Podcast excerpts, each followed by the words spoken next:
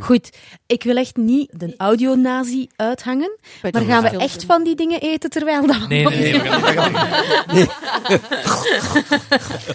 Leg ze Kunnen maar... we die dan even weg? weg.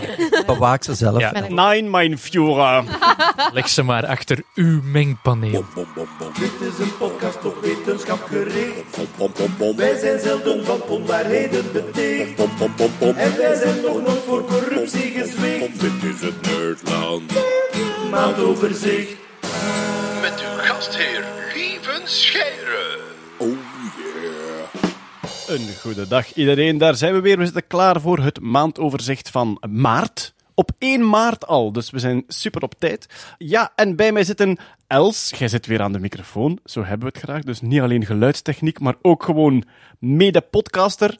Hetty Helsmoortel is erbij. Hey. Stefanie Degene. Hoi. Jeroen Baert. Hey. Peter Berks. Hallo. En Natta Kerkhoffs. Hoi. Peter, ik zie je ogen al glinsteren, want net als de vorige aflevering is er een nieuw insect in de Benelux. En is er een graf van een dode Romein gevonden. Dit is geen toeval meer. Waarom lagen die schup en die in mijn auto, Peter? En wie rijdt er heel de tijd met Geen nieuwe, commentaar. wie rijdt er heel de tijd met nieuwe insectjes over de grens? Dat zeg jij ook waarschijnlijk.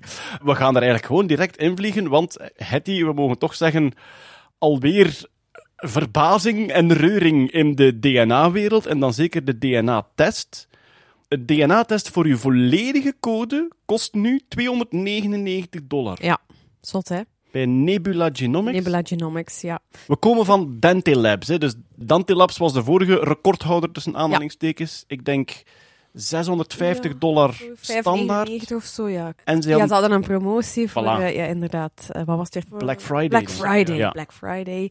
Maar goed, dat was wel een, een reclameactie. Nu Nebula Genomics zegt 2,99 standaard, whole genome, uw hele code. Ja. 30 keer uitgelezen hè, om er wat fouten uit te halen, om toch tamelijk betrouwbaar te zijn. Dat is eh, gigantisch weinig. Ik kijk even naar u, lieve. Hoe lang geleden ben jij jouw show gestart over DNA? En waar zaten we toen? Nog boven de duizend, denk Ja. ik? Ja, ik ben begonnen boven de 1000. De moment dat ik in première ging, zei ik overal 1000. Ja. Het is dan vrij snel naar 800 gegaan. Mm.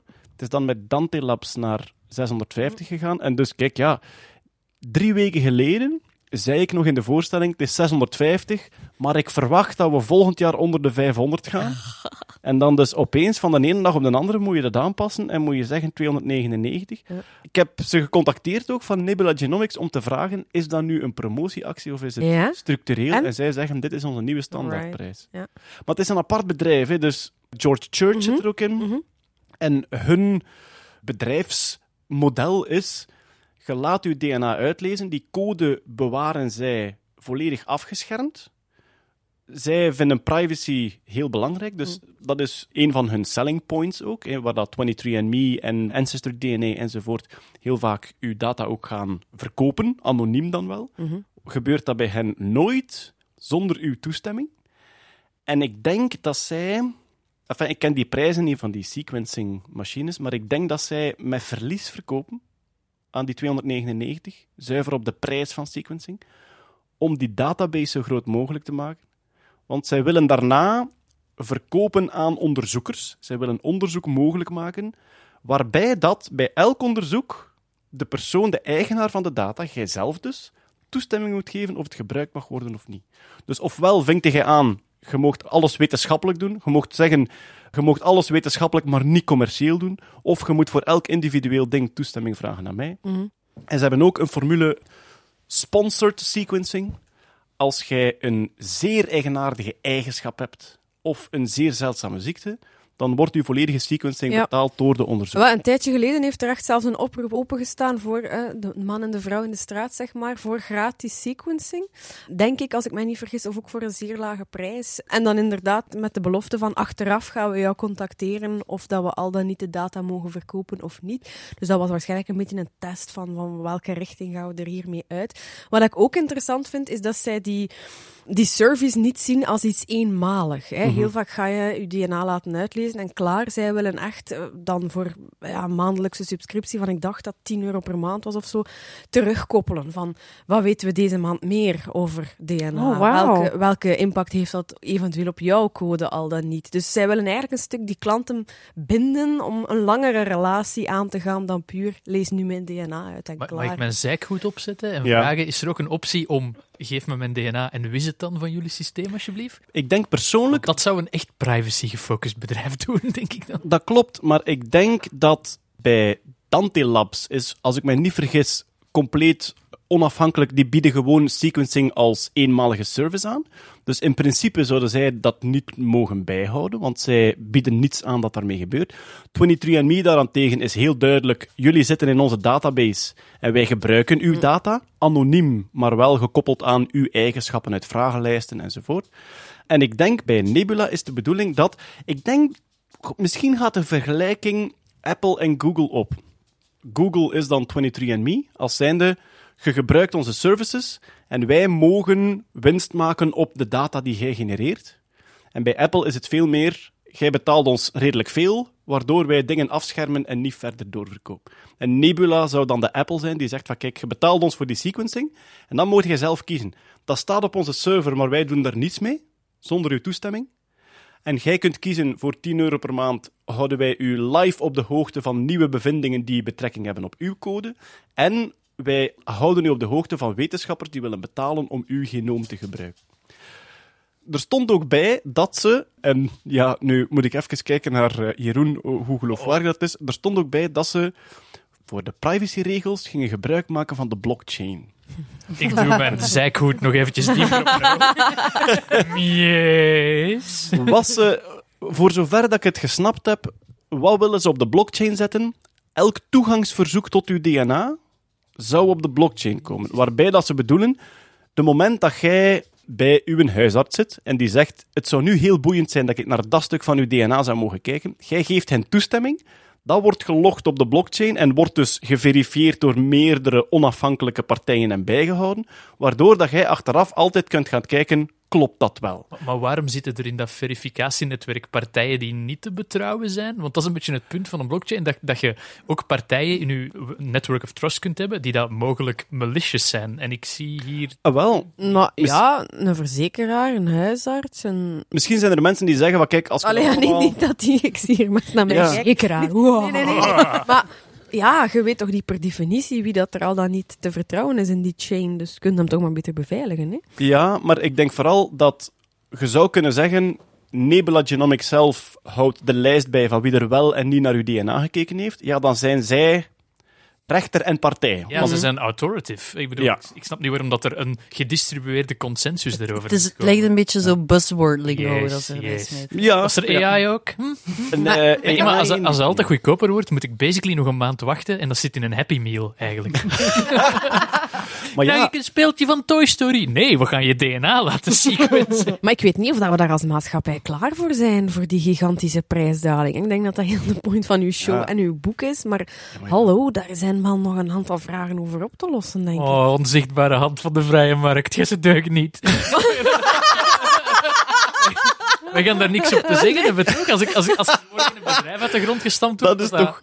Ja. Dat, dat, Ja, is, that's capitalism. dat is nu echt een poster die ik aan mijn raam zou hangen, Jeroen. Oh, onzichtbare hand van de vrije markt, gij ze deugen niet. Maar ja, dat is toch als er morgen een bedrijf zegt, we gaan hier tegen massaal verlies 5 euro voor DNA-sequencing en we gaan gewoon keiveel klantenbinding doen. Er is toch niks dat die momenteel legaal tegenhoudt. Als ik 24, nee, 24 dat, dat is dan het aantal chromosomen erop slaagt en zo. Dat is dan Dat is syndroom van Down en andere, tris- andere trisomieën waar je het dan over hebt. toffe club, toffe posters, maar daar gaan we niet mee beginnen. En maar stel dat ik een nieuw bedrijf opricht en ik zeg van, we gaan dat gewoon tegen gigantisch veel verlies doen, we smijten er keiveel, I don't know, venture capitalist kapitaal tegen. Er is toch niks legaal dat mij tegenhoudt? Nee. Oké, maar dat is waar. Dus inderdaad, die daling nu ook, dat is sowieso de technologie die heel snel vooruit gaat. En ook een beetje marktspel, omdat zij nu een ander businessmodel hebben hè, bij Nebula. Maar los daarvan, of dat nu door vrije markt gebeurt of niet, die prijsdaling is een feit. En in mijn voorstelling spreek ik altijd over, ja, tot twee weken terug sprak ik over, het kost nu 750 euro. Dat is niets dat je zomaar impulsief aankoopt. Ik kan dat nu nog net zeggen. De moment dat je naar 50 euro gaat voor een DNA-test, de groep van mensen die denkt, uit nieuwsgierigheid heb ik dat er wel voor over, wordt plotseling wel gigantisch veel groter. Op een zatte avond in plaats van een beschamende tattoo. Ik heb een, heb een DNA laten sequencen. Ik vraag mij vooral af hoeveel moeders en vaders en, en kinderen zich nu zo zorgen beginnen maken van...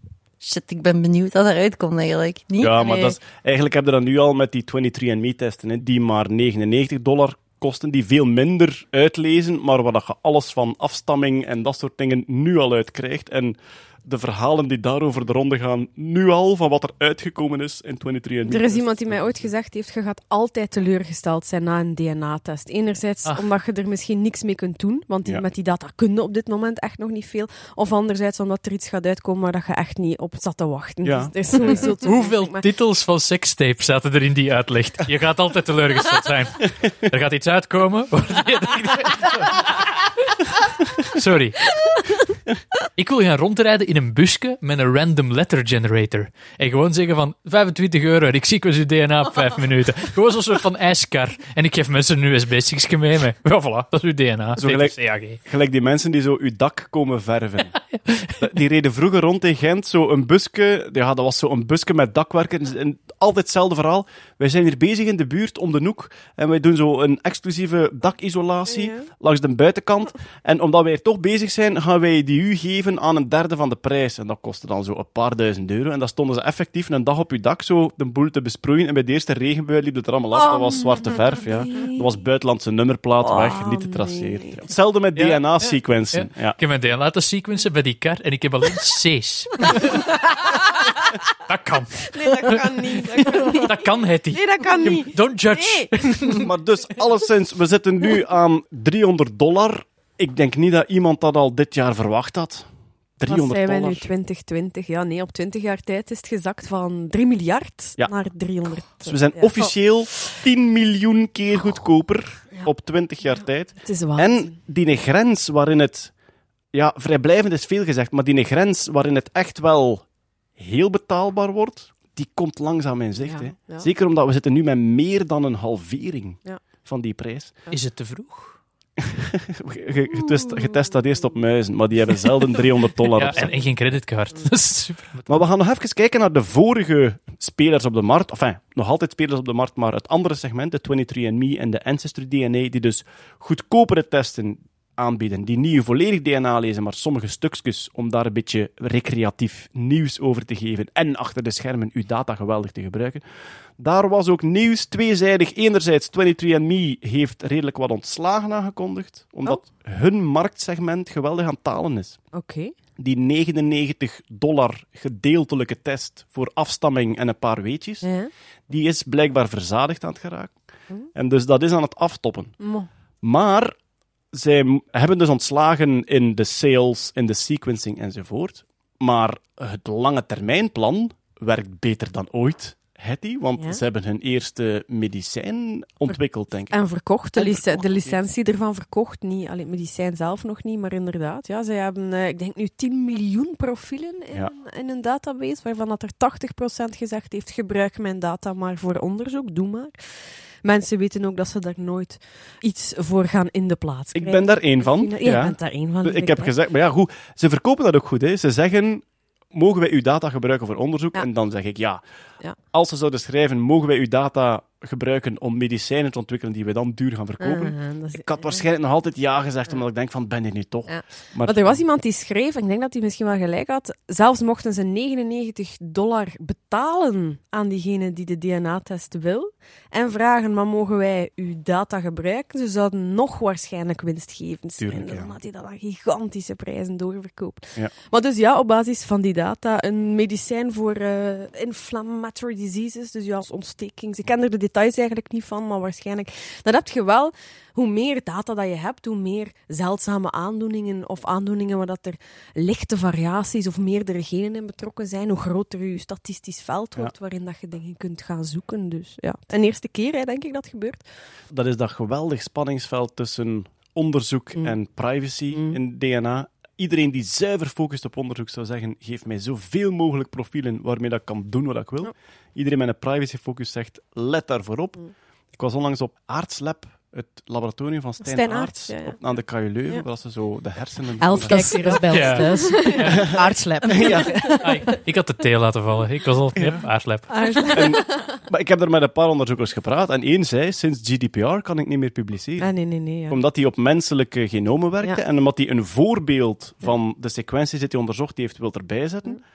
Maar ook al is dat anoniem, die zijn waarschijnlijk voor een deel identificeerbaar en dus eigenlijk ik kan heb hij- voor VRT, voor die reeks eind december, met Rosa Rademakers gepraat, opvolgster van Christine van Broekhoven, over dementie. Ook, allee, zij werkt op frontotemporale dementie, een erfelijke vorm daarvan, dat zij zegt, ja, die GDPR is daar wel een tamelijke spelbreker, omdat je niet kunt terugkoppelen naar families en voorgeschiedenis. En dat is, eh, ja. Ja. nee, dat is iets om te herbekijken, denk ik. Mhm. Maar dat, is, Eh, ja. dat is een van de grote vragen als zijnde... Ik heb dus volledige consent gegeven en gezegd, gebruik het voor wetenschappelijk onderzoek. Ja. Wat wil dat zeggen? Ze hebben stukken van mijn DNA en ik vul af en toe vragenlijstjes in. Dus ik krijg e-mails van 23andMe en die zijn volledig optioneel. Nog Ik, steeds. ja, ik mag zelf kiezen. En daar staat dan bijvoorbeeld in, hier is een lijst van medicijnen, welke heb je al gebruikt en welke werkten er voor u en welke niet. Natuurlijk, voor een farmaceutisch bedrijf is dat goud, Ja, die ja, data. Natuurlijk. Ik antwoord daarop omdat ik denk van het kan maar bijdragen aan de algemene kennis. Natuurlijk, daar zit een economisch spel achter.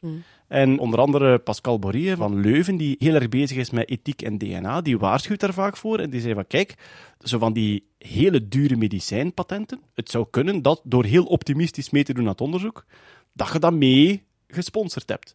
Ja, dat is een afweging en ik kies er nu voor om mee te doen. En ja, we zullen zien. Als je het goed doet, moet je dat niet gratis doen. En je zet het gratis aan het doen.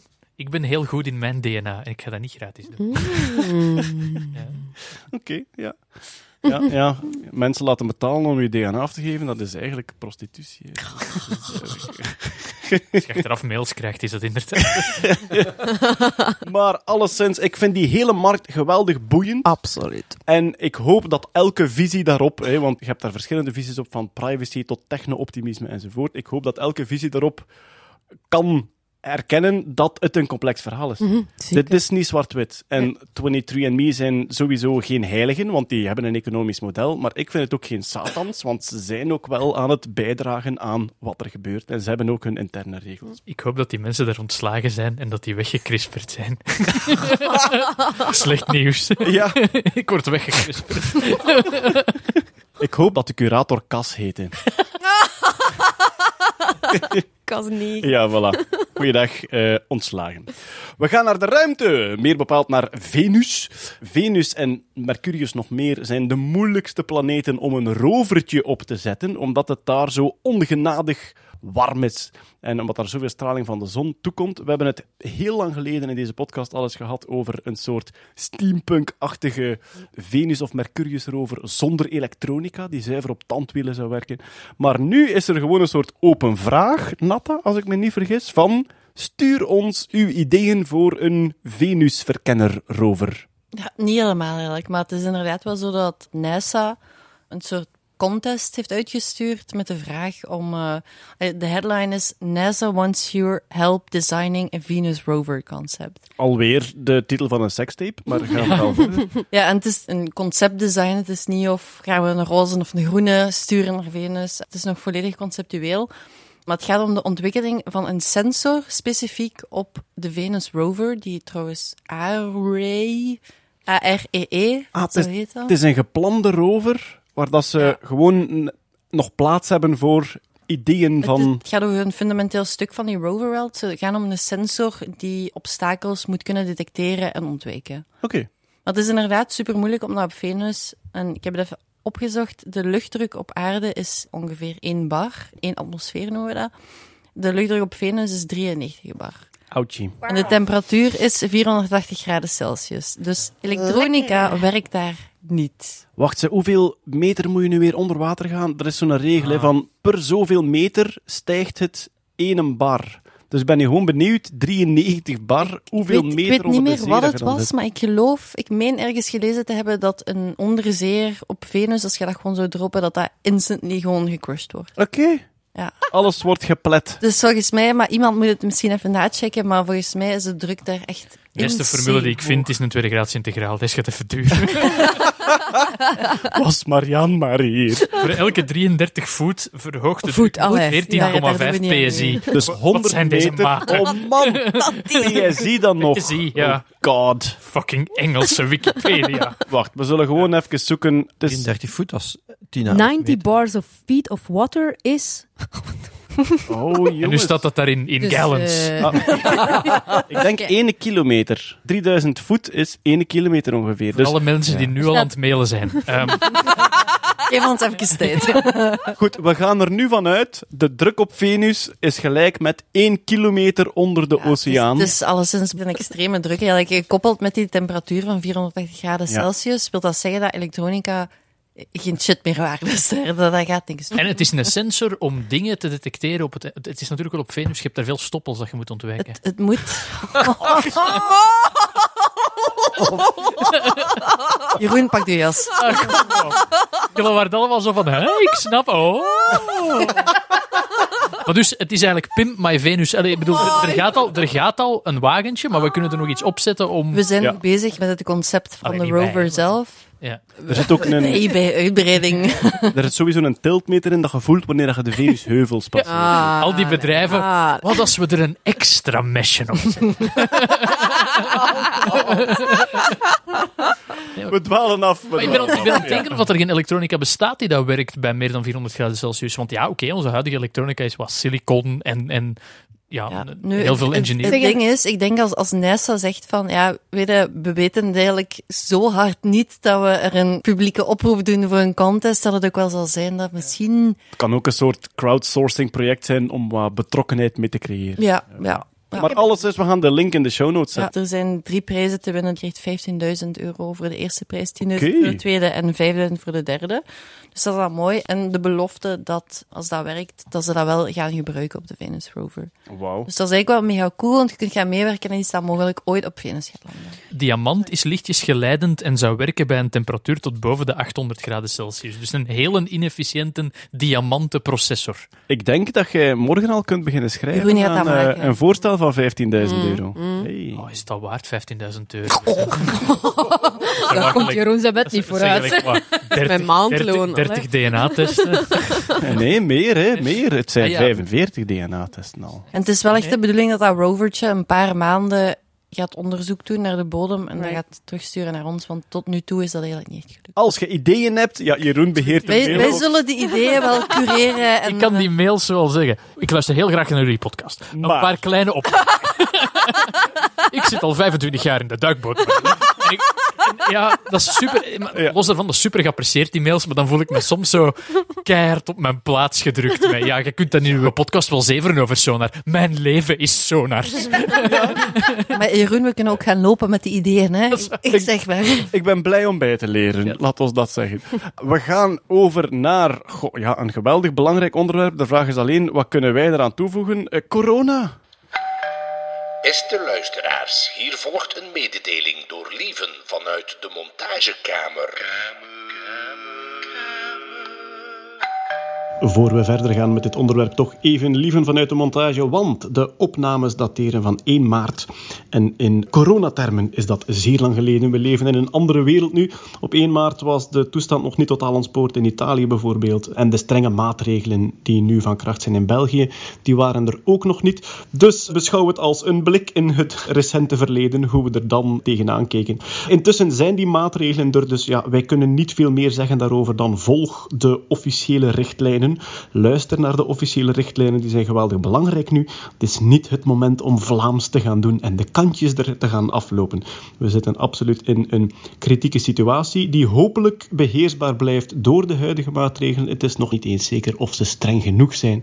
Want, geweldig belangrijk om mee te geven, er zit sowieso een vertraging op die groei van de infecties, van, er wordt geschat twee weken. Dus de, de effecten van de maatregelen vandaag zouden waarschijnlijk pas over twee weken echt voelbaar worden. En tegen dan is die min of meer exponentiële curve natuurlijk al een heel stuk verder. Dus het belangrijkste, luister naar de officiële kanalen. We hebben zeer goede virologen en ziekenhuizen in België die weten wat ze doen en die weten wat ze zeggen.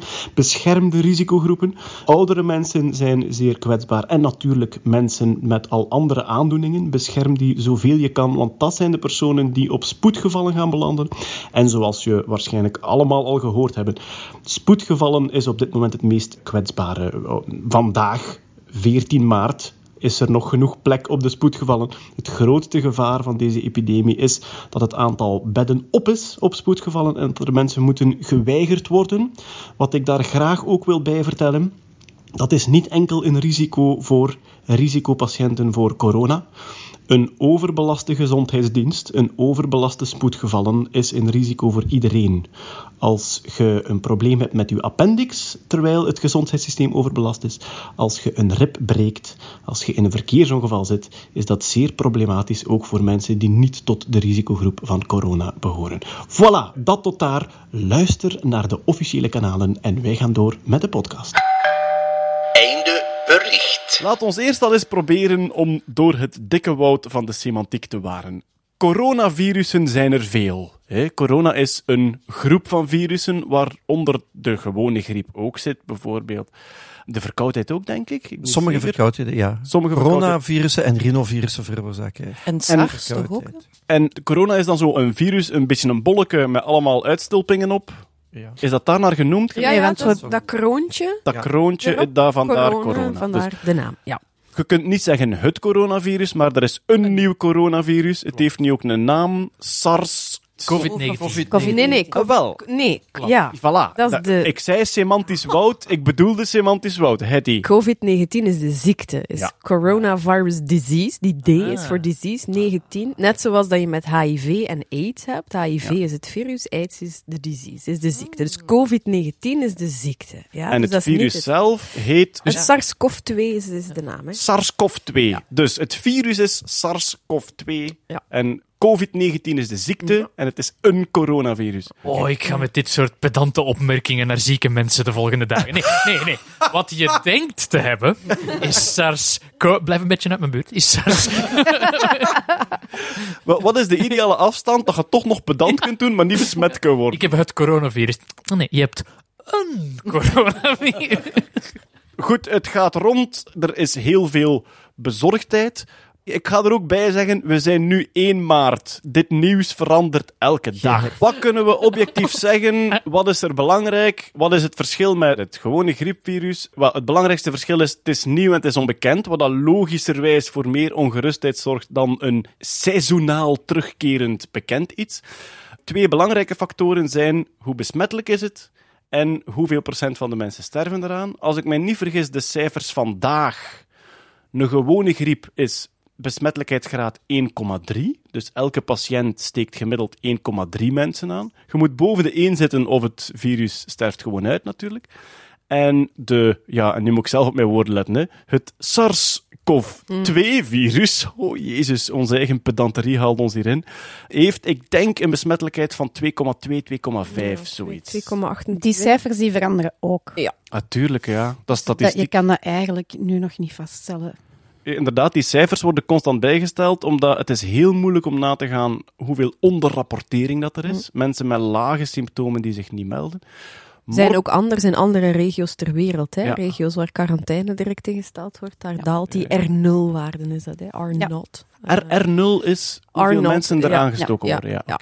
En dan heb je de, persoon die ziek is. Ja. Ja. en dan heb je de CFR, de, de fatal rate. Ja. Maar die verandert eigenlijk ook. Want dan zou je ook eigenlijk alle zieken moeten weten. Ja, Want de mensen die nu ziek zijn, maar die niet doodgaan, die worden vandaag niet meegerekend in die fatality rate. Maar de mensen die bijvoorbeeld comorbiditeiten hebben, die wel sterven, die worden daar wel in meegerekend. Maar dat is eigenlijk geen zuivere... die eigenlijk al dodelijk ziek zijn, Right. maar die vroeger overlijden Ja. door die longontsteking Ja. naar Ja. aanleiding van het virus. Maar het is wel duidelijk dat het minder dodelijk is dan ebola, bijvoorbeeld. Ja, absoluut. Absoluut. En ik denk ook minder besmettelijk, want ebola is geweldig besmettelijk. Ja. Nu, de morbiditeit van de gewone griep, ik zag een cijfer 1 op 2000. 1 op 2000 patiënten zou sterven aan de gewone griep. Vind je dat weinig? Veel? Weinig. Eh, Nee, nee, veel, ja, veel. Veel. Maar dat zal waarschijnlijk comorbiditeit bij zijn. Ja, natuurlijk oude mensen, eh, Ja, mensen die oké. immuungedepriveerd zijn, Ja, ja, Ja, ja. Dat zijn de Want- mensen die daaraan sterven natuurlijk. Het is niet zo dat voor mensen van onze leeftijd Nee, nee. zonder extra complicaties, dat wij een kans hebben van 1 op 2000 om dood te gaan als wij de griep krijgen. Nee, ik was voor 20-jarigen. Wij 20 jaar. Ja, sorry. Niet ik lachen, ben- ik ben nog in mijn twenties. Maar nee, dat, was echt, dat is echt belachelijk weinig. Ja, oké. Dat is weinig. Ik heb het er vandaag over gehad met de kinderen. Hè. We waren naar een publieke plaats geweest, meer bepaald naar een musical, maar over verder. Oh my welk? Met pinguïns? Ja, het was eh, Met, eh, eh, Madagaskar, de musical, wa- waarin ik eh, het stemmetje van een pinguïn doe. Met Ehm, wie? Doen, doen. Ah ja, de, de leider van de pinguïngroep is eh, Jean-Marie de Dekker. Ja. Getypecast. eh, getypecast. Doe het, Ik- doe het stemmetje. Ja, doe het stemmetje. Doe, het- doe, doe de uitleg over coronavirus. In het stemmetje van de pinguïn. Met Dus eh, Skipper, Skipper is de, de pinguïn die Jean-Marie de Dekker speelt. En ik ben Kowalski, de wetenschappelijke technische pinguïn. Inderdaad, Skipper, het coronavirus is in het land. We moeten daarmee opletten. Ik kwam, ik, kwam toe, ik kwam toe op de stemopnames en ehm, de regisseur zei: Oh ja, ik vind dat wel tof, zo'n sfeer creëren, zo met vier West-Vlamingen. Ik zei: Pardon, ik ben een Oost-Vlaming. Oeh, hé, oeh. maar Ze je niet aangewend. ik had dan, ja, maar ja, ik zeg, ik zeg altijd als ik in West-Vlaanderen speel: Ik klap een beetje West-Vlaams, hè, want ik woon in Gent. Hè. Het is de hoofdstad van West-Vlaanderen. Je Dus hebt, je uiteindelijk. hebt de talk gehad met de kinderen over het coronavirus. Ja, ja, ik- nu moet ik. Er is, De talk. Als een mama en Ehm. papa elkaar heel graag. Ik ga geen recensie over de Madagaskar musical geven, want het is een musical. Er is één ding wat ik wel kan zeggen. Er speelt een giraf in mee. En zijn huidpatroon is geen Voronoi-patroon. Wat? Ik zat er naar te kijken en ik zag daar veel hoeken staan. En ik dacht, dit is geen Voronoi-patroon. Sloppy. Ah ja, voilà. En dus... Mijn tante is wiskundige en die was dus bij de CRISPR Special. Ah, ja. Ik heb nog nooit de podcast gehoord of zo, maar wat ze fantastisch vond, was die uitleg over die giraf. Dat Ah vond ja, ze de kei Voronoi, ja, voilà. W- Wiskunde in de natuur. Voilà. Omdat eh, wiskunde zodanig onaantrekkelijk is dat je het enkel maar kunt uitleggen door er beestjes bij te betrekken. Dat is eigenlijk... Ze luistert toch niet, dus. ja. Ik meen dit niet, hè. Ik vind de wiskunde poëtisch Ja, mooi. Waar waren we? Dus we waren naar de publieke plaats geweest en we kwamen thuis. En ik zei tegen het gezin, gewoon om de gewoonte te starten... We zijn er eens geweest, we gaan nu gaan eten, wast uw handen. En als je in je ogen wrijft of aan uw neus, doe dat met uw mouw. Als je niest, niest in uw elleboog. Gewoon zo een beetje Dus je bedoelt, voorheen als jij thuis kwam, werden er geen handen gewassen voordat jullie Voordat je gaat eten, court. Je mocht een hele dag thuis geweest zijn. Je mocht recht uit je bed komen. Ga was altijd je handen voordat je gaat eten. Dat moest er even uit. Ik vond het al raar. Op de wc bij Lieve hangt er geen handdoekje. Dus ik heb dat gewoon altijd in de keukenhanddoek afgeveegd. Omdat ik dacht van ja, dat zal hier de gewoonte zijn. Eh, Was er wc-papier als je langs kwam? Nee. Ja, als er gasten zijn, doen we dat meestal. Nee, maar ook als we daar dan waren, in het moment dat ze in de pauze rondgelopen hadden en ze hadden klinken vast gehad enzovoort. En even stelden we ons de vraag van, wacht, er is nu alweer 1 maart één patiënt in Antwerpen. De kans is geweldig klein, maar als je als land, en dat is een illusie, hè, maar als je als land die gewoonte aanneemt van in uw elleboog te niezen, van uw handen te wassen nadat je klinken vastgenomen hebt, van dat soort dingen te doen, dan haalde die een R0 gewoon significant naar beneden. En dus het is gewoon een gewoonte. Good point. Ja. Ja, een gewoonte die je aankweekt. Dat is een beetje dingen. Je doet het niet alleen voor jezelf, Klopt. maar je doet het Ja. eigenlijk om, om heel je samenleving te Ja, beschermen. Maar daar is vaak in de wetenschap een enorm spanningsveld tussen. Hè? Tussen dat individueel belang en dat maatschappelijk Ja, want- belang. want dat het is helemaal bij niet- het klimaat, dat zie je bij Nee, vaccinaties. maar, zo. maar Ja, als je mensen wilt motiveren, moet je het eigenlijk op het individueel wel, belang ja, steken. Dat is het drama eraan. Ja, ja. En die mondmaskertjes vind ik daar wel poëtisch in, want heel veel mensen kopen dat om zichzelf te beschermen. En wat blijkt uit onderzoek? Mondmaskertjes beschermen de anderen Anderen als je tegen- patiënt bent. Ja, ja, natuurlijk. Omdat voor zover dat ik het, eh, want ik ben er niet helemaal in thuis, maar voor zover dat ik het dan doorgekregen heb, komt het echt vaak binnen via slijmvlies. Dus, dus in uw oog, heel typisch, een klink aanraken en in uw oog wrijven, of aan uw neus komen, of aan uw mond komen waar de slijmvliezen zijn. Dat dat de momenten zijn dat overdraagt. En niet zozeer dat je het inademt uit, gebeurt ook wel, maar dat je het inademt uit speekselbolletjes of gelijk wat. Maar blijf mondmaskertjes dragen voor de rest dan, hè, als je denkt dat je ziek bent. ah nee, we moeten de richtlijnen dag na dag opvolgen. De belangrijkste regel was, zorg dat er genoeg mondmaskers zijn voor gezondheidswerkers. Want bij hen is het wel nuttig. Ja. Dus niet Want hamsteren. Er zijn ook al twee artsen gestorven. Hè? In En China, in denk ik. Ja, in China. En twee jonge, redelijk gezonde artsen. Nu, ik weet wel niet wat dat die hun eventuele comorbiditeiten Ja. waren. En wat daar wel interessant aan is, is dat ik denk niet dat het al is uitgesloten dat je twee keer kan geïnfecteerd Ah, worden. oké. Normaal zijn er coronavirussen waar je twee keer aan kunt. Daar is een Iedereen beetje... kijkt hier naar mij. Dat is een Ja, er, was, een er was ergens zo'n bericht van een vrouw in Japan Ja, die, die ja. zich had gemeld, Ja. Die positief getest was, maar die had geen zware ziektesymptomen. Die is dan naar huis gestuurd en een week of twee later is hij teruggekomen en Normaal gezien, als je een griep of een verkoudheid hebt, moet die eerst muteren eer dat je die opnieuw Mhm. kunt Ja. krijgen. Dus je Ja. kunt elke verkoudheidsvorm of elke griepvorm normaal gezien maar één keer krijgen. Nu, ehm, Maar ze muteren gigantisch snel, hè. Vooral Ja, in wel. crashes. Hè? En ook de hoeveelheid blootstelling die je hebt aan het virus kan ook een rol spelen. ah, oké. Ja. Ja. Dus als je echt inderdaad in een ziekenhuis zit vol geïnfecteerde patiënten, dan Ja. is het inderdaad eiger. Dat was ook nieuw voor mij. Ik dacht, je bent geïnfecteerd of je bent niet geïnfecteerd. Maar Ja. blijkbaar heeft de blootstelling van de hoeveelheid virus wel een impact. Maar om samen te vatten, want we gaan heel snel ingehaald worden door het nieuws, hè, zeker als het over corona gaat. Maar om samen te vatten kunnen we wel stellen, paniek, het is geen een ebola. Hè? Het is geen killervirus. Nee, het is geen killervirus. Ja. Het is duidelijk een stuk agressiever dan de seizoensgriep die we gewoon zijn. En maatregelen en zeker goede hygiënegewoontes zijn vooral belangrijk om het collectief te beschermen. Waarschijnlijk meer dan het individu, zeker als je geen andere comorbiditeiten hebt. Ja. En er zijn ook twee goede nieuwtjes. Er zijn twee Ah. positieve dingen te merken aan corona. Het eerste is, het is goed voor het klimaat. Eh, blijkbaar is de wereldwijde pollutie toch wel eh, opmerkelijk gedaald sinds dat Ja, het virus... fabrieken liggen stil en zo. Ja. Ja. En het tweede is, het is ook goed voor de wetenschapscommunicatie, want er zijn een hele hoop papers online beschikbaar gesteld die eigenlijk achter de paywall zaten. Zelfs Elsevier, die daar nogal redelijk eh, stingy is met hun wetenschappelijk onderzoek, Ah, heeft een hele hoop coronapapers Er open source gemaakt. Maar het is echt een gevoel van, laat ons dat hier Ja, samen het is oplossen. waanzinnig hoe snel de sequentie van dat virus ontrafeld is. Dat was in een paar dagen tijd, denk ik. Ik denk begin januari. DNA-sequentie. Ja, de Ja. DNA-sequentie van dat virus. Dat is nog nooit zo snel geweest. Is dat publiek gemaakt? Ja, ja. Oké, Ja. valt dat na te bouwen?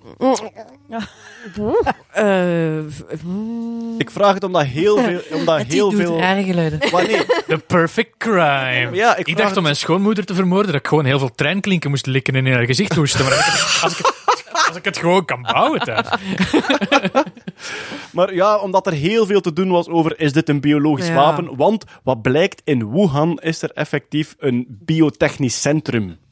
En er was onmiddellijk het gerucht van oeh, dat is daar ontwikkeld en ontsnapt.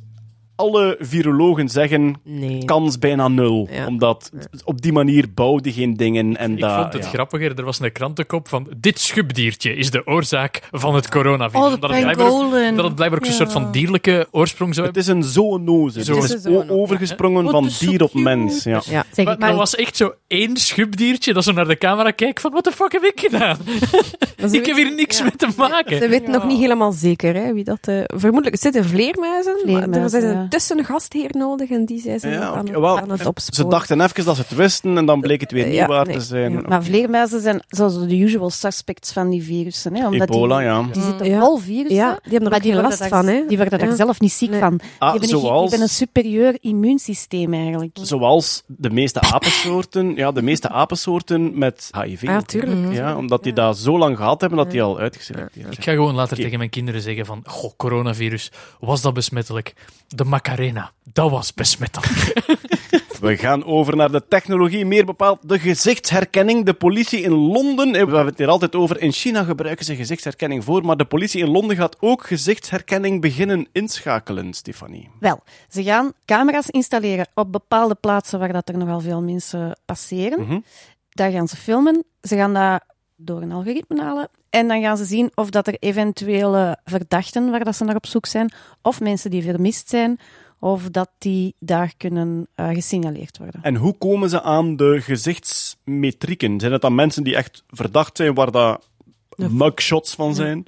Allicht, want ja, je hebt natuurlijk referentiemateriaal nodig. Ik denk dat het iets makkelijker gaat met mensen die vermist zijn. Ja. Zeker kinderen die vermist zijn, bijvoorbeeld.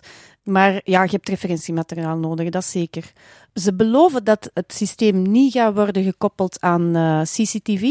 Ze beloven ook dat ze het niet gaan koppelen aan... Wat eh, is CCTV? CCTV zijn publieke camera's. Dus alle camera's die publieke ruimtes filmen, heet in het Engels CCTV. Nee, gewoon videobewakingscamera's. Tank- zitten altijd tankstations, winkels, CCTV. dat soort. Ja. Oh, maar pas op, in Londen kun je eigenlijk niet over straat lopen zonder gefilmd te worden. Dat is een van de meest gefilmde plekken in de wereld. Ook een toffe Twitter-account, CCTV Idiots. Die eigenlijk gewoon ja, de meest onnozele publieke bewakingscamera's beelden online zet. Het verschil is wel, deze camera's die gaan worden gesignaleerd. Er gaat duidelijk opstaan van hier wordt aan gezichtsherkenning gedaan. Wat het naar mijn bescheiden mening ook een beetje minder efficiënt maakt. Ah ja, zeker voor Ehm, verdachten, voor vermisten. ja. Dus ook, je moet Ja. recht in die camera kijken om die waarschuwing te lezen.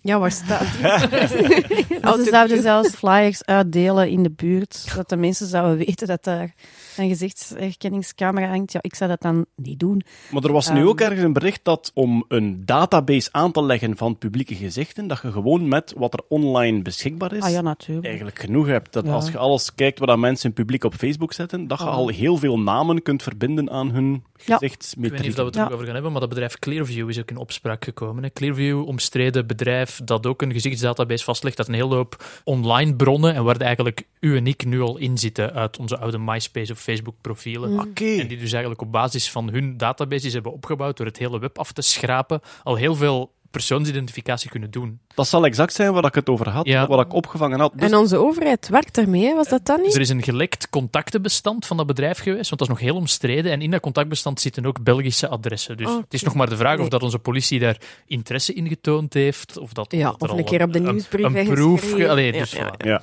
Maar dus dat is dan echt een bedrijf dat zegt, we gaan nu een keer kijken wat er online staat, welke namen er onder een foto getagd worden, en het staat toch publiek, dus wij gaan dat nu gebruiken om...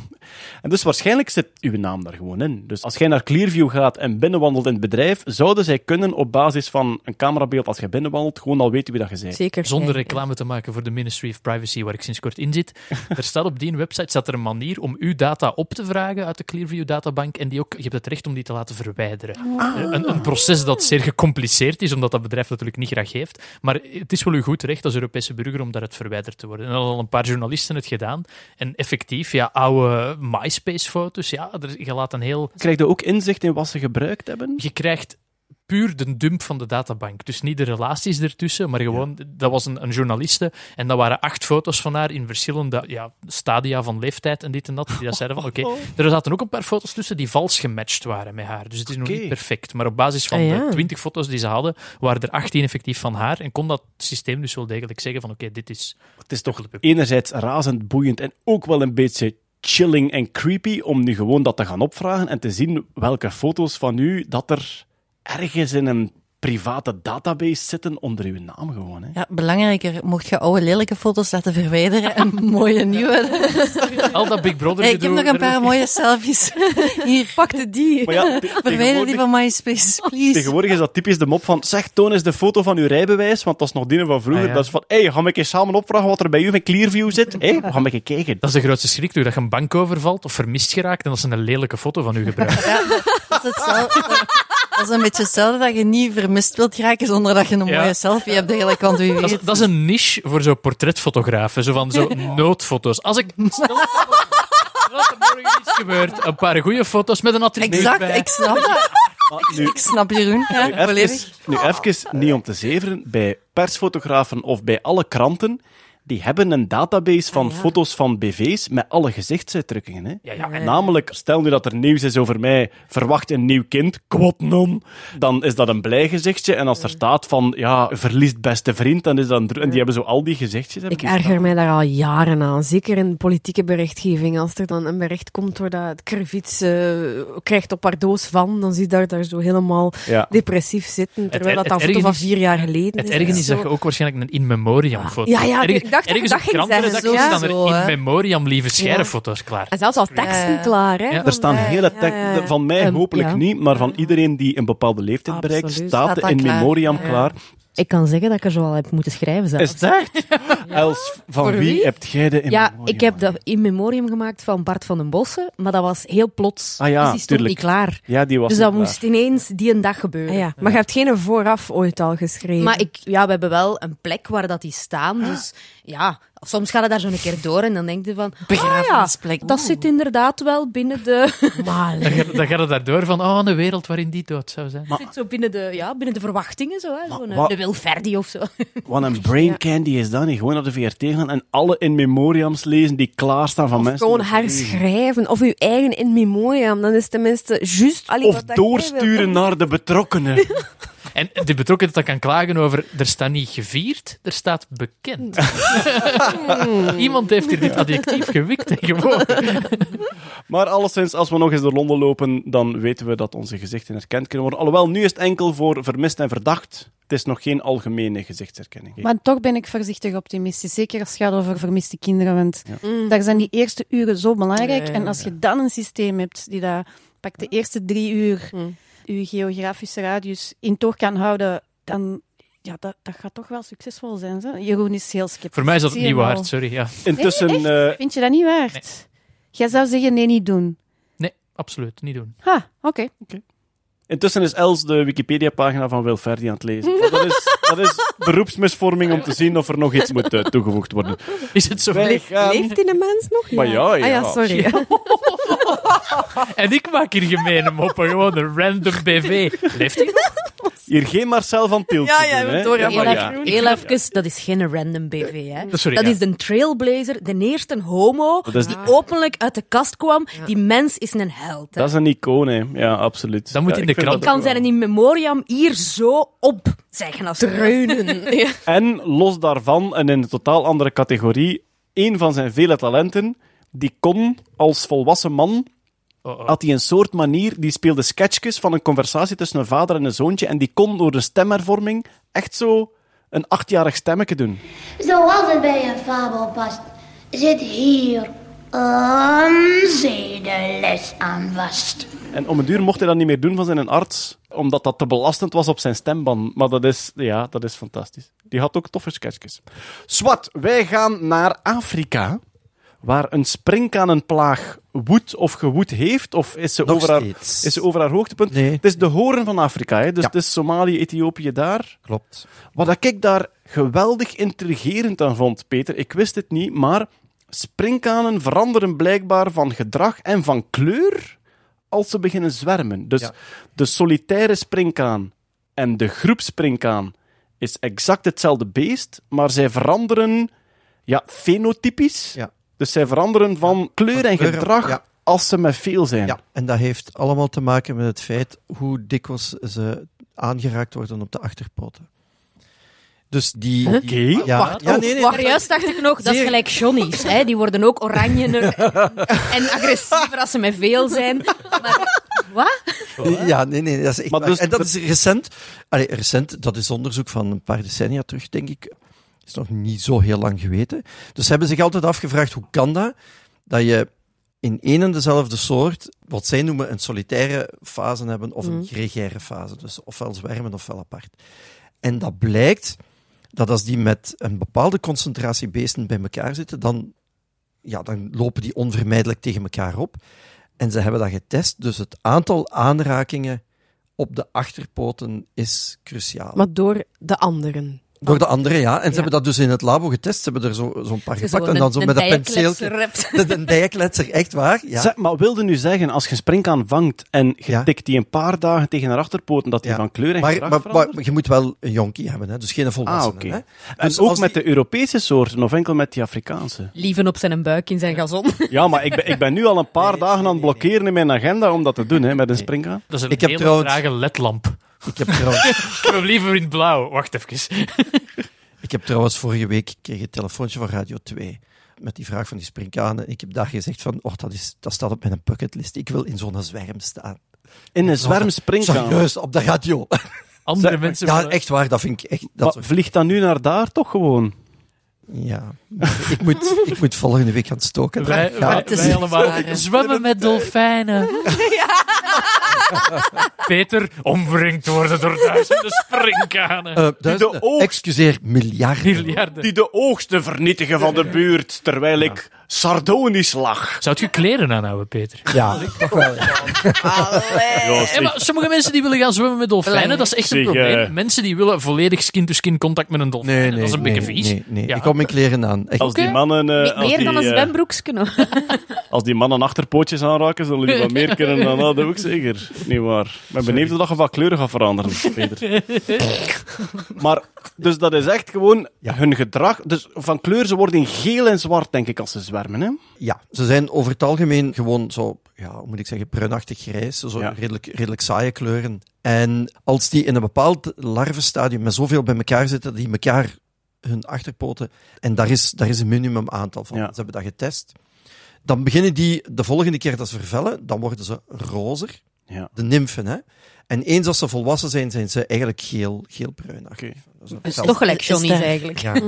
Is daar een, een nut of is dat bron? Ehm, Ja, dat moet toch een Ja, evolutionaire reden... ja. Het moet een evolutionaire reden hebben dat als je met zoveel in een gebied bent, dat dat een nuttiger Ja, maar, je gedrag zijt, is. ja, maar er is altijd strength in numbers. Hè? Als je meer zijt, dan is de kans dat jij wordt gepakt door een predator veel kleiner in groep. Ja, maar, Maar waarom specifiek een kleur? Ja. Ja, waarom is geel Ja, ik dan- denk niet dat ze dat weten, waarom dat die... Oké. eh, maar in ieder geval, ze moeten zich niet meer verstoppen. Ze zijn met zoveel, dus Maakt niet meer het uit. maakt niet meer uit. Hè? Dus de- ze kunnen nooit die soort helemaal, of, of die Mhm. groep helemaal uitroeien. Tegen zo'n kleine springkaan. Toon eens op de popper als we hebben aangeraakt.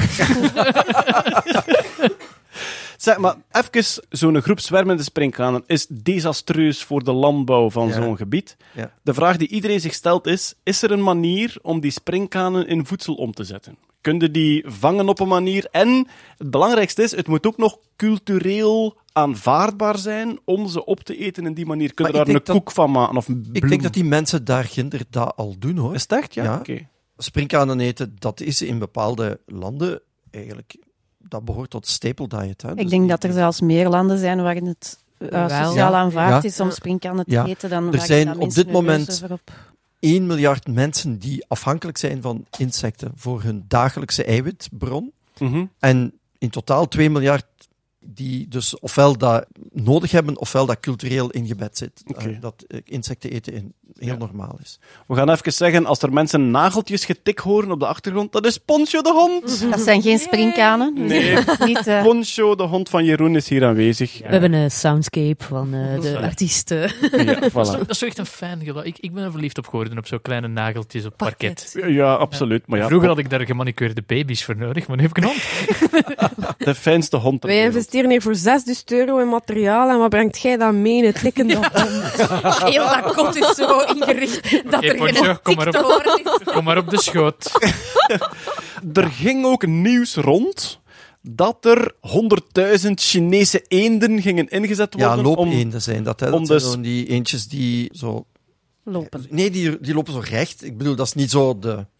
Niet, niet de wilde eend van de- bij ons. Ja. Die je zo in de vijver ziet, maar je hebt ook eenden, ja, die hebben zo'n apart postuur. En die gingen ingezet worden niet in Afrika, maar ik denk in het Arabisch Gierenland, omdat die springkanen dan blijkbaar ook... China zelfs. Pakistan, maar- denk ik. Ah, Pakistan was, ja, ik ben helemaal mis. Het was dus een andere springkanenplaag dan die van, van Afrika. Al-Kwaika. Ola! Ola! Iemand gaat voor de gouden jas, waarover later meer. Eh, die gingen Mijn brein is nu echt, daar moet gewoon voor gaan, Jeroen. Godverdomme, deze, deze is uw turf. Taal die bal. Nee, niks taal die bal. Ah, Maar het nieuws ging rond dat er Chinese eenden gingen getransporteerd worden naar filmpjes Pakistan van, van gepost en zo. om die springkanen op te eten. Het is alleen niet helemaal zeker of het dan klopt of niet, maar het principe klopt wel, geloof ik. Ja, er worden wel van dat soort eenden ingezet voor zowel slakkenbestrijding als insectenbestrijding. Ja, Oké. dat klopt. Goed, we gaan niet over... verder dan al Fred Jadokus kwak, maar dat is maar een hele flauwe op Al-Qaeda. Ja. Ik zou wel graag hebben dat Wij- je stopt met Ja. poncho zo driftig te aaien. Van, Paas, je moet denken. Nee, blijkbaar de eenden, het zou niet werken in Pakistan, omdat eenden hebben water nodig en die in de woestijn loslaten op een hoop springkanen. Ah, Het water is erop op voor die Ja, beesten. en Dus je eindigt met een hele hoop lijken. Ja, Ja. rottende eendenlijken. Goed, de springkanenplaag. We gaan zien hoe die verder evolueert. Wij hebben deze maand zowaar een overlijdensrubriek. Het is niet van onze gewoonte. We hebben al heel vaak mensen vernoemd die overleden waren in die maand en die we eer wilden betonen. Deze maand werd het opeens een dingetje, omdat er een paar waren. In no particular order. De eerste is Mad Mike Huge. een zeer tragicomisch verhaal dat helaas tragischer geworden is dan het komisch is. Mad Mike is de man die geloofde in de platte aarde, die zelf een raket wou bouwen die op stoomenergie werkte in plaats van op rocket fuel, waarmee hij 800 meter de lucht in wou vliegen of zoiets. En dan terugkomen om van op die hoogte te bewijzen dat de aarde plat was. Hij is vertrokken met een steam-powered rocket. En de parachute is er afgeblazen bij het opstijgen, waardoor hij die bij het neerstrijken niet meer had. En dus het is een crash landing geworden. Een tragische crash landing en de man is overleden. Ik zou er mij vrolijk over kunnen maken, maar ik heb helaas op het VRT-artikel de live beelden gezien. Ja, dat was wel heel Ja, brutaal wel, opeens. ja. Ja, er, er was een artikel op de VRT en iedereen denkt dan, ze gaan hopelijk dat laatste stuk eraf knippen. Uiteindelijk is het ook, het is een raket die veel te snel naar beneden komt en eindigt in een stofwolk, maar je hoort wel wat paniek van de mensen die erop staan te kijken en opeens wordt dat toch iets te tastbaar om daar dan nog Nee, maar hij vliegt daar. over te doen. Je ziet hem vliegen, hè? Ja, je ziet hem Nee, vallen. de Ja, capsule, hè. Hij zit in die capsule, ja. Maar je ziet hem Ja. ook Je vallen. ziet hem vallen ook, hè? Je ziet Ja. een smalle... Je ziet- Ja, ja, ja, ja, ja. Ah, zover ben ik Ja, gelukkig nee, niet ik denk dat ze inderdaad al geknipt hebben, want... eh, Nee, nee, je ziet hem vallen, want ik Ja. had het effectief ook uh, geretweet en dan pas gekeken en dan zag ik hem inderdaad. Als persoon. Ja, ja, ja, ja, je ziet, maar jij, jij hebt gekeken tot aan de parachute en dit en dat en dan gaat die camera even weg en dan zie je effectief zien hem vallen. een man vallen, hè? Ja, allee. Ja, Ja. Hij, zat, hij in vrije val voor 15, 20 seconden en dan paf, hè? zat hij niet meer in die capsule Nee, nee, op dat nee, nee, moment? nee, Ah, nee, nee, nee. Maar je kon dat ook niet echt heel Ja. goed zien, hè? Het was van ver, maar het was... Ik ben blij dat ik dat gemist heb. Ja, ik heb het per ongeluk geretweet, maar ik heb daarna ook mijn excuses aangeboden, want het was een beetje te triggerend. Ja, jij kon dat niet weten. Nee, maar dit is Ja. de les. Eerst lezen voordat je iets retweet. Maar ja. Ja, ik snap het volledig wat je bedoelt, Stefanie. Ik denk, je kunt dat niet. Je kunt niet alles tot in de puntjes uitvlooien. En als iets op VRT Nieuws staat, dan zou ik het retweeten zonder dat ik de laatste punten... Ik betrouw die bron. En ik snap het wel. Ze. Het moment dat er echt een vallende mens te zien is, wilde dat niet geretweet hebben. Ze Maar- waren op dat moment ook aan het filmen voor een documentaire van Science Channel. Ah, wel. En dat snap Ja. ik dus wel niet. Hè. Ja. Ik bedoel, wat ik niet goed begrijp, is dat er dan inderdaad een documentaire over gemaakt wordt, dat daar een hele filmcrew ontstaat. Je gaat mij niet vertellen dat alle mensen die daarmee bezig waren, dat die allemaal geloofden dat, dat, allee, dat er niemand was die dacht van dit kan misschien niet wel eens een keer slecht aflopen. Dus ik denk Mhm. dat ze daar wel een beetje op de amusementswaarde hebben gecasht en te weinig hebben beschermd. Ik denk Voor als je zover- dat aan het filmen bent, dat je niet wilt dat die te pletter stort. ze, Want je verhaal is echt niet meer... Voor zover dat ik dat soort documentairemakers ken, want we hebben het hier niet over... Rudy Franks is ook een documentairemaker, maar die zit in een totaal ander genre dan we gaan een keer de zot volgen die eh, zichzelf gaat afschieten. Als ik dat soort psychologie van dat soort documentairemakers ken, die hopen dat ze een schoon verhaal hebben dat wel goed afloopt. De dood van uw hoofdpersonage is nooit goed voor een documentaire. Maar ik ben er wel van overtuigd, het moment dat die die beelden hebben, gaan die die ook de wereld insturen. Ik, ik ken weinig fotografen of documentairemakers die, als ze echt een exclusief beeld hebben, die gaan zeggen van ik vind toch dat het te storend is voor het brede Serieus? publiek. Ja, het is toch uw werk en je stuurt dat toch uit. En dat, ja. Is het ook niet zo'n soort van David Attenborough dingetje dat je niet mocht ingrijpen bij wat dat je aan het documenteren bent? Maar- Ja, maar die, die, gaat ook, die gaat ook geen eend uit een leeuw in zijn bek Nee, slaan. Hè? Dat, is van, dat, is, dat is tuurlijk. nature. Hè? Oké. Nee, je, gaat, je gaat nooit tegen Mad Mike zeggen, zou je dat nu wel doen? Nu, ik denk dat die mens dat dat genoeg gehoord heeft in zijn leven. Dat denk ik nu wel. Nu, daar is achteraf ook wel over die platte aarde wat nuance over gekomen, dat hij dat eigenlijk vooral gebruikte om financiering Om sponsoring te krijgen, van, ja. van- Ja. En dat hij er zelf misschien ook niet echt in geloofde. Maar Ja, hij goed. geloofde er zelfs helemaal niet in. Ah, want hij heeft ooit een funding opgestart voor zijn eh, self-built rocket. En hij kreeg daar, like, ik weet niet, 500 dollar of zo mee. En dan dacht hij van, ja, fuck dat, ik ga, ik ga daar een verhaaltje eh, ja. onder, onder leggen van de Ah, Flat ja. Earth. En daarmee heeft hij veel meer funding eh, opgehaald. Achteraf is inderdaad, is dat wel gezegd dat hij daar totaal niet in geloofde. Dat was gewoon... Maar ja, kijk, de man wou gekke dingen doen en hij bouwde raketten op een soort, ja, letterlijk steampunk manier. Ze werden echt gewoon door stoom aangedreven. Het was een stuntman, hij wist dat hij risico's nam. Natuurlijk wou hij niet sterven, maar ja, hij wist dat hij altijd een risico nam. En eh, goed, ja, hij is er nu niet meer, Mad Mike. Dus Toch een beetje zo een held wil ik hem misschien niet noemen, maar zo'n anti-held toch. Allee, het is een beetje Evil Knievel-stijl wel. de, maar, de ballen ja. die je nodig hebt om in je eigen gebouwde raket jezelf af te schieten, is toch Ja, Pretty huge. He died doing what he loved. Dat kunnen we niet Ja, vergeten. Ja. dat is, wat dat dat ook, dat is dat letterlijk ook. wat Dat die mens wou doen. Ik bedoel, niet het stervenstuk, obviously. maar- het meest tragische vond ik toch, je ziet die raket vertrekken en je ziet onmiddellijk, na vijf Dat seconden, die parachute eraf vliegen. En ik denk persoonlijk dat van de mensen die er rond stonden, moeten er toch tien of vijftien geweest zijn die toen al wisten waar die parachute voor diende. was, het was een beetje een Challenger-verhaal. Zo. Ja, en die eigenlijk toen al wisten, oké, dit komt niet goed. Ik was maar met een half oog aan het kijken en ik had me pas ook na 10 seconden door van wacht eens even. Dat zwart dat Oh, wegvloog, Dat ja. ding dat wegvloog. Ja. Nu, naar het schijnt dat hij zelf ook een parachute aan. Is het Ehm, maar is hij bewusteloos geraakt en kon hij die gewoon niet meer... ja, ik weet het niet. hè. Ik, ik heb ook Ja. maar van alles gelezen en opgevangen. Want maar dat was mijn bedenking. Ja. Je moet toch een schietstoelsysteem Ja. hebben, maar dat was er dus. Maar daar zat Ja. dus een dubbele... Twee dingen die fout lopen, wat al altijd eh, het gevaarlijkste is. We gaan over naar de volgende persoon, want we hebben er vier in deze overlijdensrubriek. Jens Knutsen. En de naam zelf zal u niet veel zeggen, maar Jens Knutsen is zowaar de uitvinder van de Lego Minifig.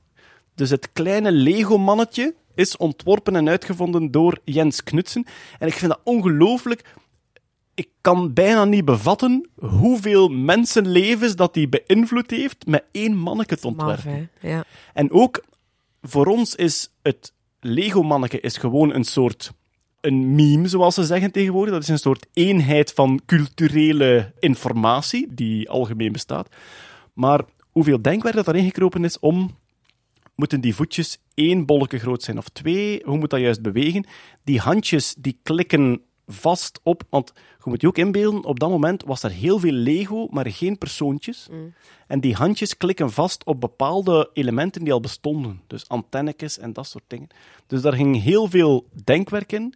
En hij werd in sommige kranten zeer poëtisch beschreven als de man die de Lego-huisjes bevolkt heeft. Maar en ook dat dat in 42 jaar niet veranderd is, dat Ja. ontwerp. Dat Wacht, is- niet veranderd. Niet, klein maar ja, het is te zeggen. Nu gaan we mails krijgen van Lego-fans. Nee, nee, de, de, de minifigure collectors is eigenlijk al bijna een subcultuur binnen de Lego Ja, collectors. ja, ja. En er zijn verschillende, bijvoorbeeld er zijn, ik denk, minstens twintig verschillende Batmannen. Dan zijn die onderling een beetje aan het discussiëren van, ja, maar de die, is, eh, die heeft stickers, dat is niet goed. De die is een duo-print, dat is beter. Dus de minifigures op zich is niet gewoon van, hier is een figuurtje en je steekt dat erin. Nee, er zijn ook mensen die hun eigen customs maken. ja. Het is een volledige subcultuur. Absoluut. Ik ken een gast die met van die figuurtjes volledige roller derby teams namaakt. Die tegen elkaar spelen op kleine tracks. En echt zo dingetjes maakt dat de truikens kloppen, dat de nummers kloppen, dat het haar klopt. Het is echt super. Dus jij had Waarom- zo'n manneke dan? Of zo'n vrouwtje? Of was je niet goed genoeg? Ik was niet. ik, ik stond in een douche en ik vroeg me af, waarschijnlijk racially insensitive, want in een douche denk ik, nou, voor wat we hier gaan zeggen, bestaan er zwarte Lego-mannetjes? Ja. En dan heb Ja, op, en heb ik het opgezocht en blijkbaar, ja, het eerste voorbeeld dat ik tegenkwam was Mace Windu van Star Wars. Samuel L. Jackson wordt die, speelt in de film. En dat is, want ik dacht van, hoe doen ze dat dan? En dan dacht ik verder van, Aziatische Lego-mannetjes, zo, geva- gele mannetjes, gevaarlijk hieroen, wat, waar gaat dit naartoe? En er zijn blijkbaar voor de Aziatische markt zijn er Lego-mannetjes met lichtjes, kleinere ogen. Sure. Ah, oké. Nu, de kleur geel is gekozen om raciaal neutraal te zijn. Net zoals de Simpsons of Ja. net zoals heel veel emojis. Geel is zo, ja, hoort zo nergens bij en Va- vandaar dat ik dacht, maar hoe langer en hoe meer zijn er dan zo licensed Lego-sets gekomen. Genre, allee, je kunt moeilijk van de film Black Panther van Marvel een Lego-set maken met allemaal gele mannetjes. Snap je? Dus dat, ja. Oké, ik wou er nog bij zeggen, Jens Knutsen heeft niet alleen de minifigure ontworpen, hij was een algemene Lego-ontwerper en voor iedereen die opgegroeid is in de jaren 80, die Lego-ruimteschepen, dat was van hem! Oh. Hij is de man die zo die echte oorspronkelijke Lego-ruimteschepen, ook met die Lego-blokjes met een computerchip in en met ledlampjes en zo sirenetjes en zo. Dat is eh, blijkbaar voor een groot stuk Jens Knutsen. Dus kijk, iemand die heel vele levens beïnvloed heeft, is van ons heen gegaan. Er is nog iemand van ons heen gegaan die ook zeer vele levens beïnvloed heeft, maar die door de geschiedenis zeer lang onder de radar gebleven is en daar pas zeer recent een beetje boven geraakt is. Ik heb het over Katherine Johnson. een wiskundige die bij de NASA werkte en die meegewerkt heeft aan het berekenen van de trajectories van de Apollo-missies enzovoort. Ik denk dat ze ook in de film zit, Hidden Figures. Hidden Ja. Figures, ja. Voilà. Samen met de andere, letterlijk computers van die tijd, berekenaars. Computer was een beroep. Ja, dat Ja, was een Dat was een beroep, ja. persoon, de was, berekenaar. was zelfs een job die als onglamoureus gezien werd en daardoor eerder op vrouwen werd afgesloten. Vooral. Afro-Amerikaanse Ja. vrouwen, Ja, ja, ja, ja. inderdaad. Is het waar? Ja, Ja. Zelfs, Ja, ja. zelfs voornamelijk Afro-Amerikaans. Ze noemden dat de colored rooms, waar de Afro-Amerikaanse computers apart zaten. En dus hun taak was dingen uitrekenen. Ja. En blijkbaar hadden de ingenieurs iets te laat door van oei, die zijn hier zo een beetje de essentie aan het doen. Die zijn eigenlijk zo de wiskundige patronen en de trajectories allemaal aan Er het was toen een eenheid genaamd de Kilo Girl, heeft in het officiële magazine van engineering gestaan. En dat was het rekenwerk dat één vrouw kon verwerken op duizend uur. Wat? Dus een berekening kostte zoveel Kilo Girl. Ah. Jezus. Jongens. Zeg, en specifiek Catherine Johnson. The Hidden Figures, voor de mensen die het nog niet weten, is een film die specifiek gaat over die periode waarin zeer belangrijk wiskundig werk gedaan werd door typisch mensen die op de achtergrond geduwd werden, op de achtergrond gehouden werden, vrouwen, Afro-Amerikaanse vrouwen, die veel te laat de herkenning gekregen hebben voor, eh, voor, wat er, voor wat er gebeurde. Maar specifiek deze vrouw, Catherine Johnson, wat weten we over haar? Ja, ze heeft eigenlijk ervoor gezorgd dat de maanlanding heeft kunnen plaatsvinden. hè. Ik denk dat dat eigenlijk zo ongeveer de meeste... De andere belangrijke mijlpaal is de trajectory voor de eerste bemande orbit rond de aarde van Amerika. John Glenn, daar heb ik nog een mooie quote over inderdaad. Dat was de eerste Amerikaanse astronaut in de ruimte, of in een baan rond de aarde De inderdaad. Yuri Gagarin van Amerika. Ja, en hij had specifiek gevraagd aan zijn mensen van zijn alle berekeningen gedaan door Catherine Johnson, want anders vlieg ik niet. Is dat Ja. Alright. En dus er is een heel mooie quote van een auteur, eh, Margaret Lee Shetterly, die zei van, So the astronaut who became a hero looked to this black woman in the still segregated South at the time as one of the key parts of making sure his mission would be a success. Prachtig. Dat is nog gescheiden drankfortuintjes, Rosa Parks. Dat moest, allee, Ja, ja, want, die periode. want hè. die Ja, vrouwen, ja, ja. die computers, die African-American computers, die moesten naar aparte toiletten gaan. Die soms in- 15, 20 minuten verder wandelen. Ja, ja, die werden echt als hele trash, scène in die film. als trash ja. behandeld. Ja. Catherine Johnson mocht haar naam ook niet onder officiële NASA-documenten zetten. Nee. Dus het was haar collega, letterlijk iemand die gelijk met haar op de stond, die haar documenten ondertekende, want dat was Ze, heeft dat de eerste keer trouwens ooit mogen doen, want er waren inderdaad heel veel mannen bij NASA die ook niks hadden met vrouwen, die dat ook maar niks vonden dat die daaraan meededen eigenlijk. En zij had zo'n co-author op een bepaalde paper en die had gezegd van, ja, nee, ik vertrek bij NASA. En zijn baas had gezegd, nee, nee, je gaat blijven, je gaat dat afmaken, dat uw naam daarop kan staan. En hij zei, nee, nee, weet je wat, laat Catherine haar naam daar maar op staan, want zij heeft toch al het meest gedaan. Dat was de eerste keer dat een vrouw haar naam op een paper had mogen zetten, dat was haar paper, ja. Ze is 101 jaar oud geworden, wat Ja. een priemgetal is. Ja. Dat- Ja, en wat dan ook binair kan geschreven Ja, worden. pri- Ah, geapprecieerd. Dat is eigenlijk- En ze heeft een paar jaar geleden nog van president Obama een medaille gehad voor Een Medal of Freedom heeft Medal of ze Freedom. Maar toch pas na die film, hè? Nee, nee, voor, de, voor film. de film? Voor de film. Ah, Maar laat ons toch... 2015. Kijk, ze is, is 101 geworden en laat ons toch zeggen... Het is ergens toch een zegen dat ze die jaren, die weinige jaren nog mogen meemaken heeft, waarin het omgedraaid werd. Hè? Ja. Medal of Freedom voor haar, een film daarover enzovoort. Omgedraaid, omgedraaid. Waarin dat er een heel klein beetje Ja. weerherstel is gebeurd. Van uw Maar- 96ste tot uw 101ste. Allee, ja. Ah ja, die laatste jaren. ja. Ja. Het, is Ja. inderdaad- het beste dat we kunnen doen om haar te eren is, ik denk, de film Hidden Figures bekijken. Ja. En als je daar verder in wilt gaan, er zullen zeker biografieën verschijnen, enzovoort, enzovoort. Goed, iemand die ook overleden is de voorbije maand is Terry Jones van Monty Python. Ik denk dat dat sowieso een beetje ook wel in de nerd- en geek-cultuur zit, Monty Python. Maar waarom het zeker in de podcast past, hij heeft zijn hersenen geschonken aan de wetenschap. Terry Jones had een redelijk zeldzame Frontotemporale dementie. Ja. Het is een redelijk zeldzame dementie. Het gaat gepaard met serieuze afasie, want dat was eigenlijk denk ik het eerste symptoom dat hij kreeg. En dan is hij daarmee gediagnosticeerd. hè. Ja.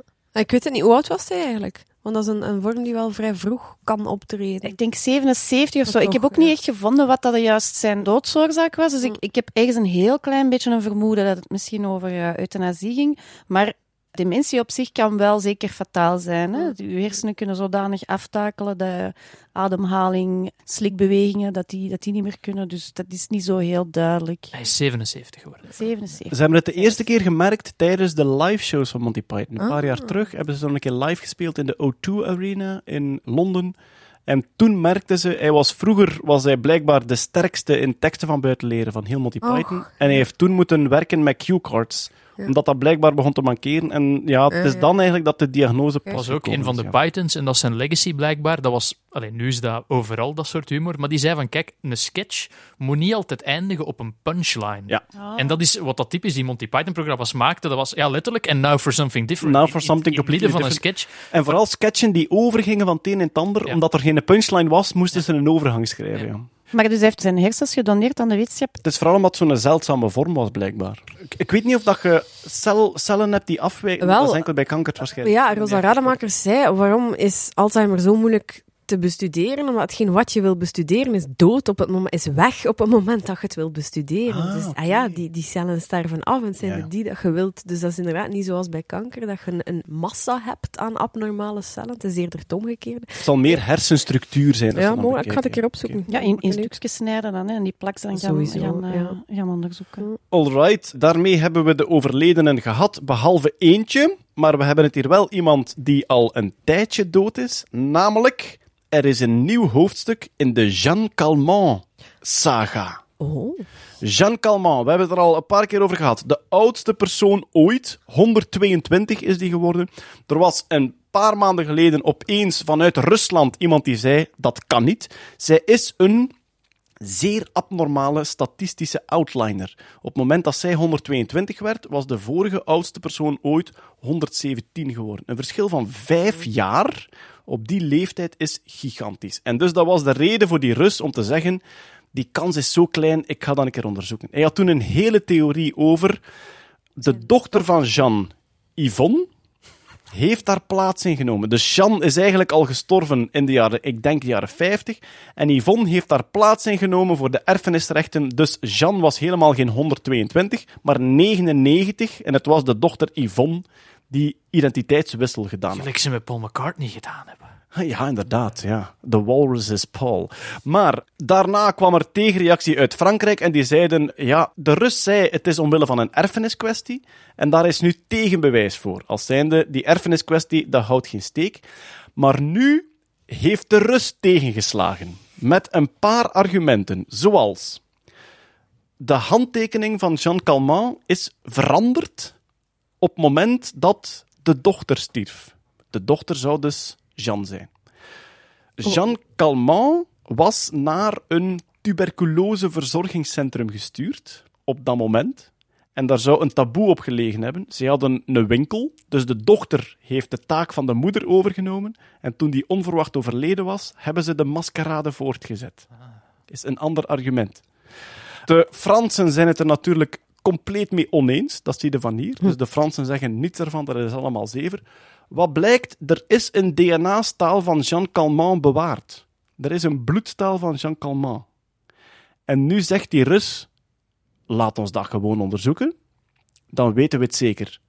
En de Fransen zeggen, jij liegt toch, dat is niet nodig. Maar wat gaan ze daarin onderzoeken?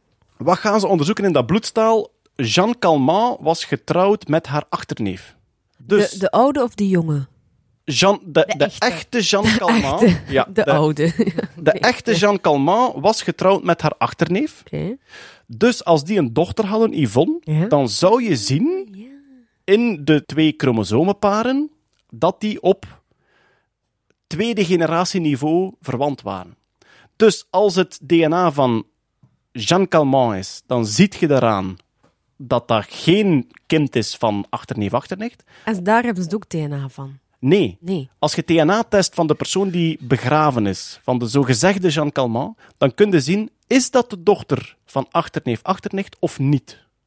Als het de dochter is van achterneef-achternicht, dan zeggen ze, Ah, dan was het de dochter die haar plek ingenomen. Laat ik nu alvast even niet- zeggen dat Jean Calment, de echte dan, waarschijnlijk dan ook door de Fransen zal gezegd worden dat zij dochter was, ook van achterneef, achternicht. Ja, precies. Dat is exact wat die Fransen aanhalen als reden. Gelijk wat de uitkomst is, de partijen gaan toch bij hun eigen mening blijven. Maar ik denk, als je nu nog familieleden hebt, dat je ook zelfs heel duidelijk kunt bepalen wie van de... Zouden we ook niet gewoon het lichaam van Jean Calment kunnen exhumeren en daar dan onderzoeken op doen? Zeg. Ja, je exhumeert dat lichaam en daar ligt zo'n super opvallende valse snor op. die ze sinds 89 had. Ja, nee, gewoon een stukje bot. Jean Calment is vaak geïnterviewd. Wat bleek, in die interviews haalde ze heel regelmatig haar echtgenoot en haar vader door elkaar. Ja, maar dat is de leeftijd. Hè. Ja, inderdaad. En de Fransen zeggen, voilà, de Fransen zeggen dat is de leeftijd. Ja, de Fransen zeggen dat is de leeftijd. En de Rus zegt, zie je wel, dat is iemand die moeten van buiten leren heeft. Om de een door een andere te vervangen. En door de leeftijd komt dat weer terug. Wat heeft die Rus daarbij te winnen? Is, heeft hij een andere, Ja, een andere die- poelij in het eh, spel of zo? Nee, die Rus heet Zak. En die Rus is een wiskundige die oorspronkelijk Outlier. wil Ja, die oorspronkelijk Ja. de statistische outlier Ja. zei van kijk, ik ga nu een keer berekenen, wiskundig, wat de kans is dat als je kijkt naar alle oudste mensen ter wereld, dat daar één uitspringt die vijf jaar ouder is. Die zei, dat kan eigenlijk niet. Die heeft dat berekend. En vanaf dan wordt dat iets persoonlijk. Vanaf dan is dat, ik ben de persoon die wiskundig bewezen heeft dat. Nu, aan Franse kant zeggen ze nu, die Rus is ingehuurd door Russische miljardairs. Die willen het DNA van de oudste persoon ooit te pakken krijgen om voor zichzelf een langer leven te kunnen crisperen. dat is toch... ah, dat, dat is toch weer een cool verhaal. Ik ga mij daarin verdiepen. ja, maar dat is echt... Het, het is... Ik zie hier trouwens ook dat de dochter Yvonne had zelf een zoon, Frederik, die geboren is in 26. Dus het is niet ondenkbaar aan de genen te zien dat die mens nog leeft.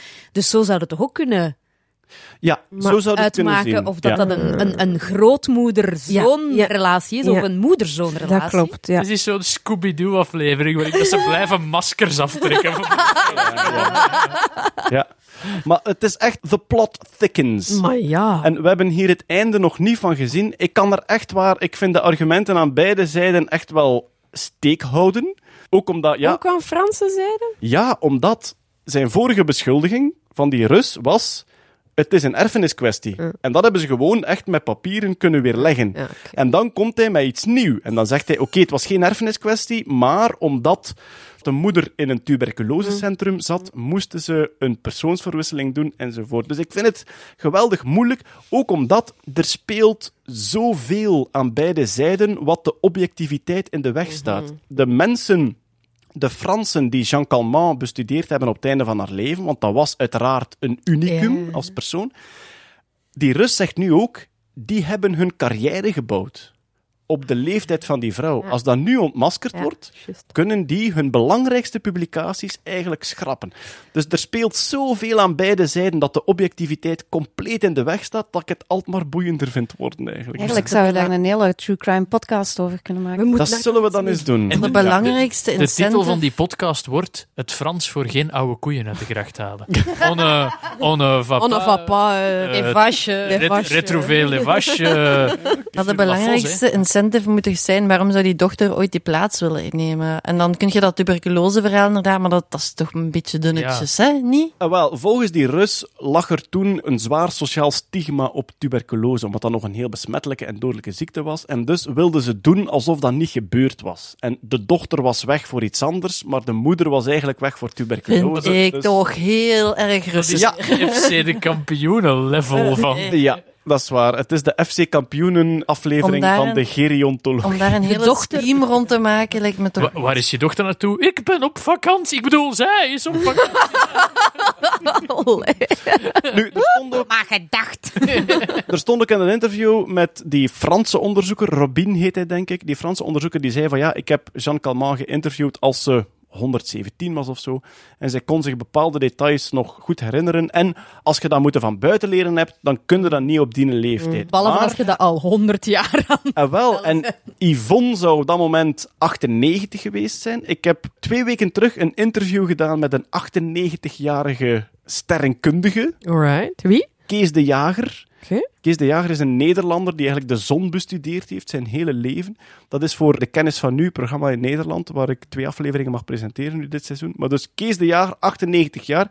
Ik heb daar een interview mee gedaan. Die weet alles nog, hè. Dus die kan echt over zijn jeugd, namen uit zijn jeugd, alle chemische eigenschappen van de zon. Dus dat argument, daar denk ik wel van, goh, het is natuurlijk langer geleden. Ik weet niet of de toestand van mensen op oudere leeftijd is serieus veranderd in Europa de voorbije 20, 30 jaar. Ik weet niet of het daarmee te Oh, maken Misschien, heeft. misschien ook belangrijk, is er niemand in die omgeving die op een dag gewoon opstond en dacht van, mijn god, Jan, je ziet er twintig jaar jonger uit. De, de, de- Ja. de- die, die- dat zijn toch en geen op welke, identieke leeftijd, op kopieën? welke leeftijd zou die wissen? 36-jarige leeftijd. Dus de dochter En was 56. 36. Ja. 36 en Dat 56. valt toch keihard op. Ja. Ik ga de shitty jaren van een mensenleven overslaan. En 36 tot 60 heeft Jean geen sikkelvormige wijnvlek op haar gang. Oké, ik zie de, In incentive, ik zie Ah, de incentive wel eh, sneller op pensioen. Even nog iets. Op een bepaalde leeftijd, ik denk 70 of 80, maar dan in de Jean Calment jaren. Op 70 of 80 heeft Jean Calment al haar jeugdarchieven verbrand. Ze heeft al haar jeugdarchieven vernietigd, Dus waardoor die Rus natuurlijk Tien zegt... jaar na de wissel ongeveer. Ah ja, waardoor die Rus natuurlijk zegt, ah ja, kijk, het werd te riskant, hè. Maar Ze werd ze zodanig oud. na jaar tien, na, ja, maar na tien jaar... Wat is dit? Na tien jaar moet je zo naar de bank met uw pas of zo en zeg je van, oké, we gaan hier gewoon, we gaan ervoor, schoon schip, we doen door. Ik zou gewoon Ja. stiekem proberen op elke nacht Happy Birthday te zingen en zien wanneer dat ze zo'n blik heeft. Ik ben jarig! Ah, Ja, ze leeft niet meer, hè, al een tijdje niet meer. Maar dus alleszins, het is een geweldig intrigerend verhaal. Ook als die Fransen nu gewoon zeggen, kom, test dat bloed. Mhm. Vergelijk dat even met een naast familielid, dan weten we het eigenlijk direct. Maar ze willen niet. Wat een voordeel en een nadeel Kom, heeft. waar ligt die vrouw begraven? Ja, kwartjes. Ja, Peter, heeft, Peter heeft de schop in die legt die schop neer. Er is This is taking a momenteel... dark turn. Er is momenteel een Facebookgroep van 1500 mensen die meespeuren Ja, ik naar... ga mij lid maken. Die meespeuren naar papieren, archieven, oude documenten over die... eh, ja, over... Op Wikipedia staat ook nog een lijfrentecontract, hè? Ah, dat is Ja, juist. ja. Ja, ja, ja, ja. Dus er is nog een appartement dat zou... Dat is wel waar, ja. Dat, was, Ja. dat is op lijfremte gekocht door iemand en die dacht van, oh, maar ja, Ja. is legal Dat is wel- 80. Dat is die de gaat snel volste doodgaan. lijfrente waar je ooit Ja. hebt in geïnvesteerd. Maar net toon, wat dit mysterie nodig had, vastgoed. Spicy. Ik toon hier even de twee handtekeningen Oeh, van nee. Jean Calment Totally different. voor en Ja. na. Maar Dat is echt ja, gelijk- grafologie is al Dat is lang... gelijk eh, ik die handtekening van mijn moeder probeer na Ja, te doen. op uw, op uw slecht rapport. Ja, Dat, dat is ik, dat is ik voor en na een Dat duvel. is, Allee, ja, dat is al lang eh, ontkracht, hè, als goed. er 20 jaar tussen... We zien hier duidelijk. Hetty zit in team persoonswissel. Ja. Wie zit er niet in team persoonswissel? Natta zegt geen persoonswissel. Ja, eerder. Ik zit in team exhumatie en laat ons er dan eindelijk over Dat, stoppen. Ik, ja. zou, ik zou dat eigenlijk heel tof vinden als dat toch gebeurt. Als, die dat, als dat gelukt is. Zo. Dat ook zo heel de Ja. geburen zoiets heeft. Ja, ja, jij bent Jan. Yvonne, vanaf vandaag zit ik Jan. I would have gotten away with it if it wasn't for this meddling Russian. Ja, ja, ja. Ook het zoontje van Yvonne heeft heel zijn leven maman gezegd Ja, ja. tegen Jean. Wat dan niet raar is Dat is waar, want dat is de meme. Ja, Leeft dat inderdaad. zoontje nog? Dat weet ik niet. Dat zou het direct oplossen. Frederik. Je oma is een bedriegster.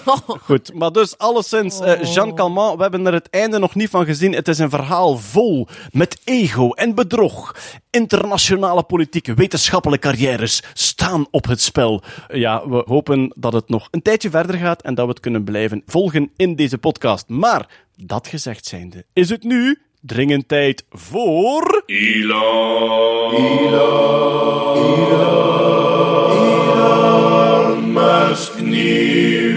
Het Musk-nieuws van deze maand. Er is wel redelijk wat en we gaan direct beginnen met de roddelrubriek. Grimes, de vriendin van Elon Musk, maar het is een knipperlichtrelatie, heb ik gehoord. Grimes is zeven maanden zwanger. Maar ze wil niet bevestigen of Musk de vader is. Maar ze wil wel bevestigen dat zij en de vader, wie dat de vader ook is, dat ze het gaan opvoeden als they, totdat het duidelijk is. eh, hoe noemen ze dat? Gender. Persoonlijk naamwoord. Gender, ja. Ja, welk ja. gender dat kind zelf wilt krijgen. Genderidentiteit. Dus er werd daar gevraagd. Ze heeft een online Q&A gedaan op basis van haar nieuwe album. Ja, Miss Anthropocene, het album dat ik geluisterd heb. En het is... Ik hou van rare dingen, hè.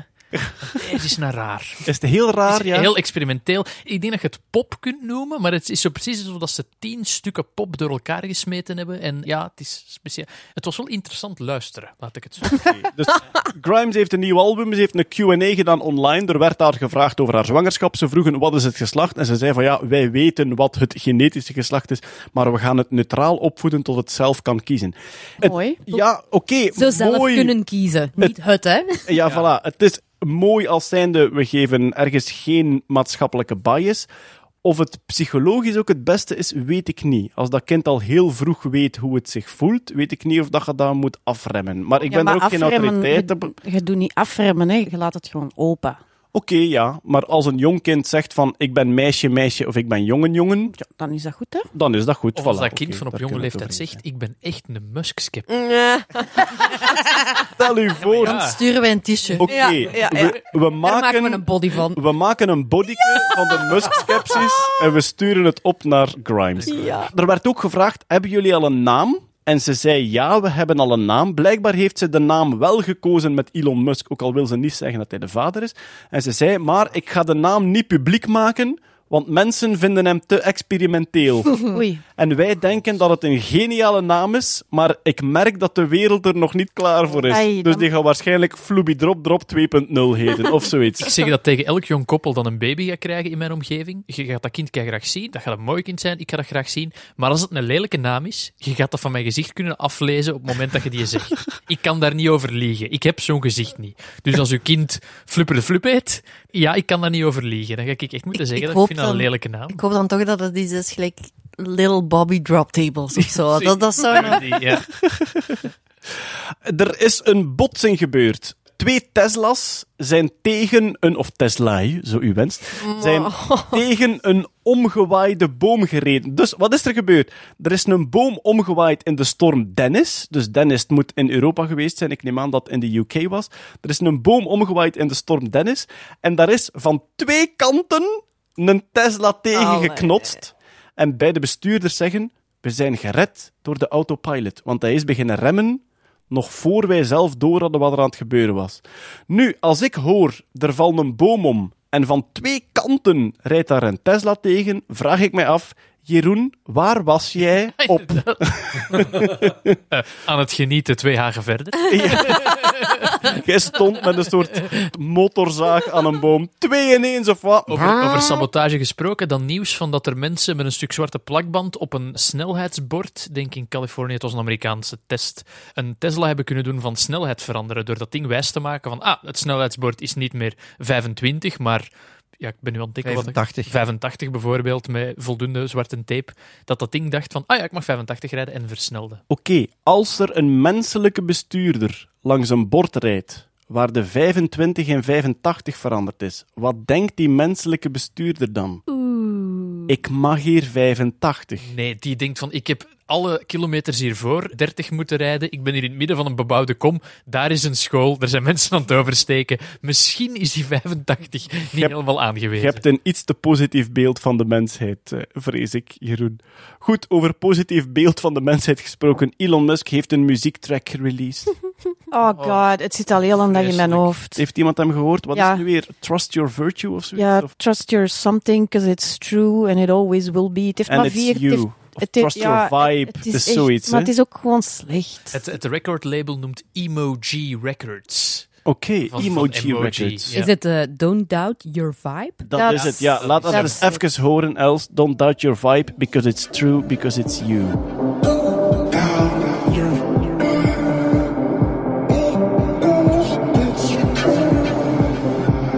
En zo gaat het eigenlijk gewoon heel het nummer verder. En straks komt er een beat, maar dat is het dan. Het varieert een beetje. Ik zou zeggen, heerlijke flipmuziek. Toch? Ik wil Nee. Jeroen ook even Nee. de albumcover laten zien. Ja, De planeet Mars met een cybertruck die er voor rondzweeft. Dus we weten nu al wat hij naar Mars gaat lanceren, een cybertruck.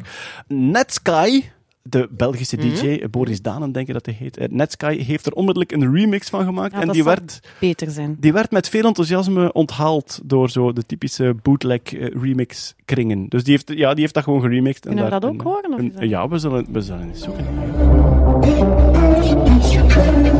Wat is het verschil? Maar kom jongen. Het is dubbel zo snel. En nu zitten we echo's op. Dat is echt het verschil tussen talent en geen talent. Kom, dat altijd keihard. Er komt straks nog een variatie in. Het tempo gaat naar beneden. Hier, voilà, hoort. Een drop. This is Netsky. Oh, veel beter. Zo wat 80s vibe eigenlijk, hè? Ja, wel een vet nummer eigenlijk.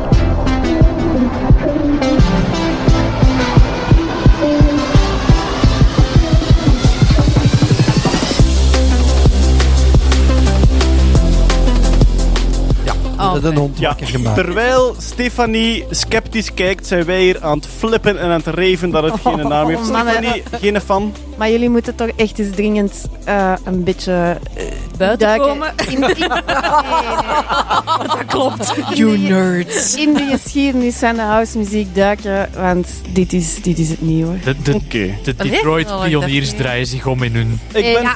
Geen discoplaten die dan hout... Zeg nu niet dat wij hier t-shirts met net Sky Skepsis gaan Nee, moeten gaan we niet drukken. doen. Want, nee, nee, nee, maar ik apprecieer het, maar ik ben te oud. Ik ben van de jaren... Ik ken, Oké. ik ken Nee, iemand dat de- consequent Oh. netski zegt. En ik wil die niet verbeteren, omdat dat zo cute is. Eh, ja, daar komen we straks bij. Blijkbaar spreken wij alles verkeerd Ja. uit in deze podcast, maar dat is een onderwerp voor straks.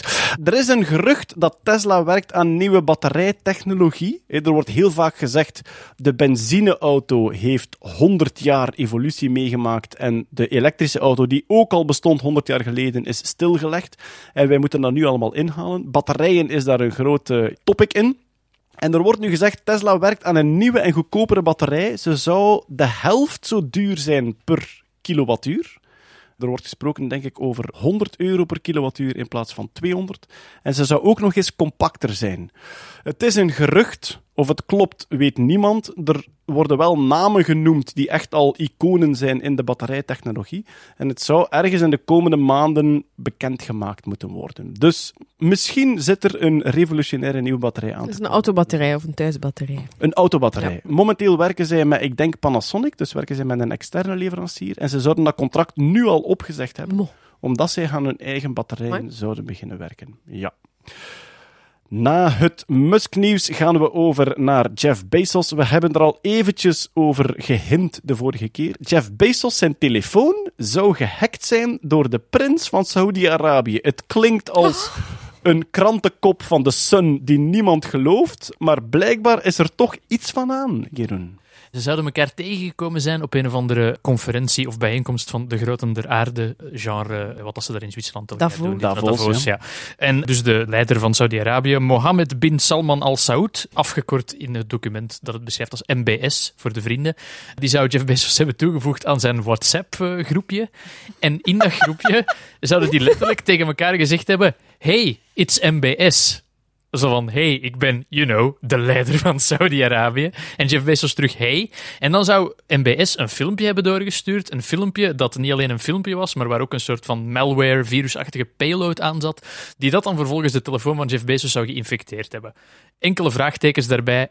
Kan, heeft Saudi-Arabië die technologie om dat te doen? Ja. Saudi-Arabië is al een paar jaar op de internationale markt aan het shoppen naar beveiligingsbedrijven, aan mensen die exploits verkopen om aan spionage te doen op dat soort schaal. Dus typisch de state hacking Ja. die zo hot is tegenwoordig. Ja. Alle grote staten zijn bezig met ja. Ja. software hacking. een, een lek in software kopen van 2 miljoen euro omdat je één persoon specifiek wil targeten die niet mag gedetecteerd worden. Ja. Waarom zouden ze dat gedaan hebben? Om Jeff Bezos, die de Washington Post bezit, onder druk te zetten van hey, eh, begin eens een beetje lievere dingen te schrijven over Saudi-Arabië. Ja, ja, ik weet het, we hebben wel een journalist tot fricassee verwerkt in de Turkse ambassade een paar maanden geleden. Maar that's all bygones. Dus dat, dat zou het motief erachter geweest zijn. Het document waarin beschreven staat, want er heeft een extern bedrijf de iPhone van Jeff Bezos onderzocht. Die mens heeft letterlijk zijn iPhone komen afgeven en die wou die binnen zoveel uur terug hebben, want dat is een drukke mens.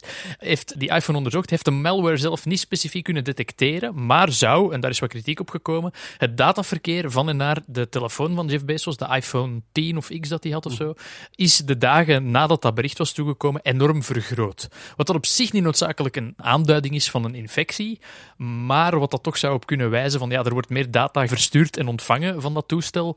Ja, wat dan Saudi-Arabië gekend is om te doen, is bij een Israëlisch bedrijf, er zijn een hele hoop beveiligingsbedrijven dat daar zitten, eigenlijk malware aan te kopen die dat basically alles van uw telefoon doorstuurt. Contactpersonen, nieuwe berichten die binnenkomen. Dus er wordt in die richting gewezen. Is er hard bewijs? Nee. Is het totaal viable dat een grootmacht als Saudi-Arabië dat kan doen? Zeker. Ze doen dat met mensenrechtenactivisten, met, met, met lastige dissidenten. Dat gebeurt, punt. Maar goed, we hebben allemaal geleerd, klik niet op bijlages bij een e-mail met gekke extensies of gelijk wat, maar een filmpje afspelen op WhatsApp, oeh. Wel, dat zijn die heel specifieke exploits die verkocht worden. Om een filmpje af te spelen, moet het bestand dat dat filmpje is, moet door een lezer ingelezen worden. Want een filmpje start met een header. Dat start met een bepaald aantal bytes dat zegt, dit filmpje is zo lang, dit filmpje is in die codec, dit filmpje is in die resolutie. Dat moet allemaal uitgelezen worden. En misschien zit er in dat verwerkingstoeltje van WhatsApp, of wat dat ook gebruikt om filmpjes mee te bekijken op je telefoon, misschien zit daar een fout in die kan leiden tot codeuitvoering die te ver gaat. Dat, ja, het is, het is een tijd Windows ook geweest. Er is een fout geweest in Windows waardoor het bekijken van een bepaald lettertype kon leiden tot een bepaalde codeuitvoering. Ik hoop dat Comic Sans... Dus het zijn heel zeldzame exploits, maar die worden heel duur verkocht natuurlijk. En als ze zo duur zijn, zit er waarschijnlijk de garantie bij, wij gaan dit niet aan iedereen geven, Voilà, zodanig dat het lek niet snel gedicht En wordt. je wilt die ook enkel en alleen maar gebruiken als je één specifieke persoon hebt. Dit gaat je niet naar een miljoen mensen sturen Ja. en kijken wat dat je ermee binnenhaalt. Want van die miljoen mensen is er waarschijnlijk wel genoeg mensen savvy genoeg om dat te analyseren en dan zet je Ja. je, dure exploit kwijt. Oké. Uh, Ja, hoe dat verder uitdraait, dat zullen we dan moeten in de gaten houden. Nog Bezos nieuws. Hij heeft een NGO gesticht, zowaar. Hij heeft daar een, een stuk van zijn fortuin in gestopt. De Bezos Earth Fund. En het doel van de NGO is het redden van de aarde. Ja. Het probleem aan die NGO is, wie beslist er welke onderzoeksgroepen gefund worden? Dat is Jeff Bezos. Dus als je zegt, goh ja, wij Amazon, die Amazon Prime-leveringen, we sturen daar toch verdomd veel bestelbusjes voor uit, hè Jeff? Kunnen we dat niet om de twee dagen leveren? Dan gaat Jeff Bezos niet zeggen, hm, interessant onderzoek, ik ga jullie geld geven om Ah, een ja. eigen bedrijf onderuit te halen. Dat is het grote probleem met filantropie bij miljardairs. Die hebben vested interests in waar dat die in investeren. Ze zeggen altijd van, ja maar Jeroen, Bill Gates dan. Ja, Bill Gates geeft heel veel van zijn geld tegen de strijd tegen malaria in Afrika. En dat is bewonderbaar, dat is goed dat dat gebeurt. Maar daar is dus minder een conflict of interest. De oplossing voor malaria gaat niet zijn, hm, we gaan een beetje minder Microsoft services kopen of Ja, verkopen. Daar zit voor mij een heel groot probleem met Jeff Bezos die aan filantropie doet. En bij uitbreiding elke miljardair die aan filantropie doet. Want dat is geld dat met publieke aanbesteding, met publieke beslissingen moet...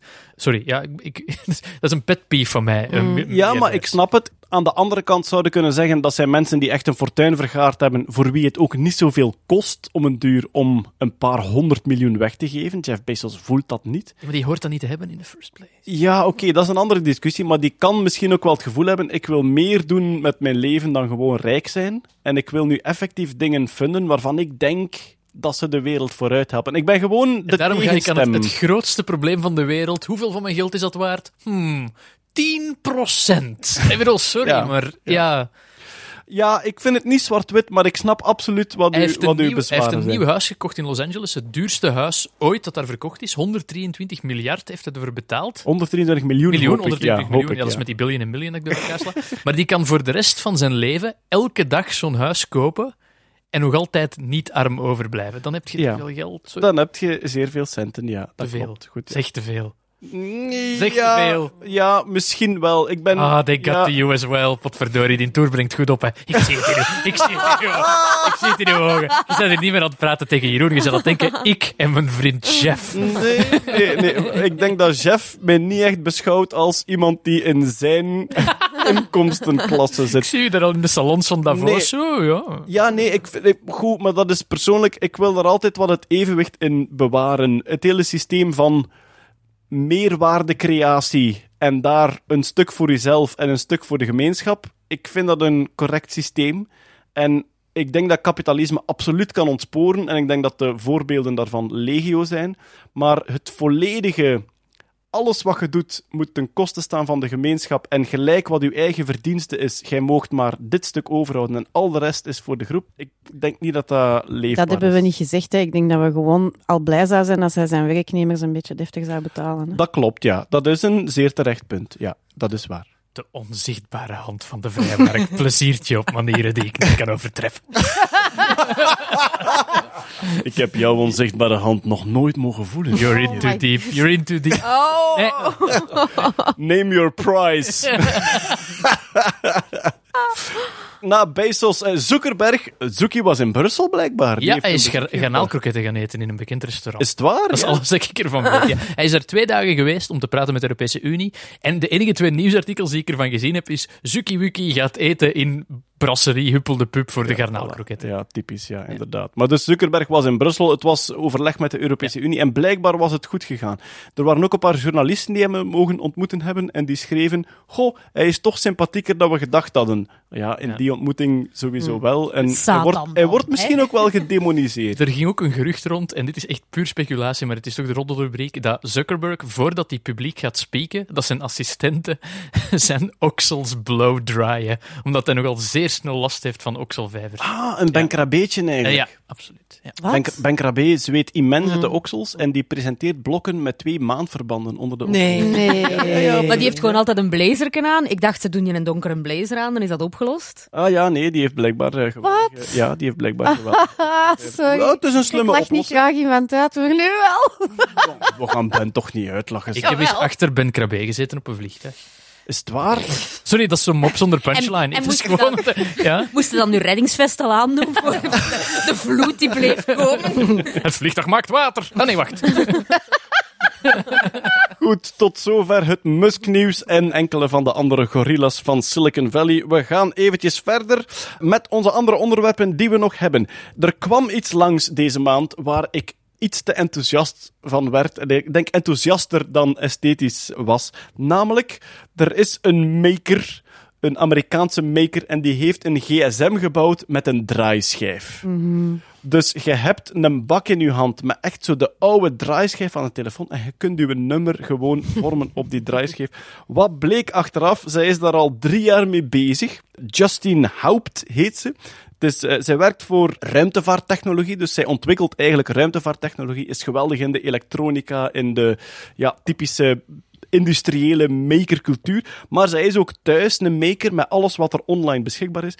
En ze heeft een prachtige blog bijgehouden van hoe dat, dat tot stand gekomen is. Skiesedge.us is haar URL, dus S-K-Y-S en dan edge, zoals rand in het Engels, .us. Dat is haar een blog.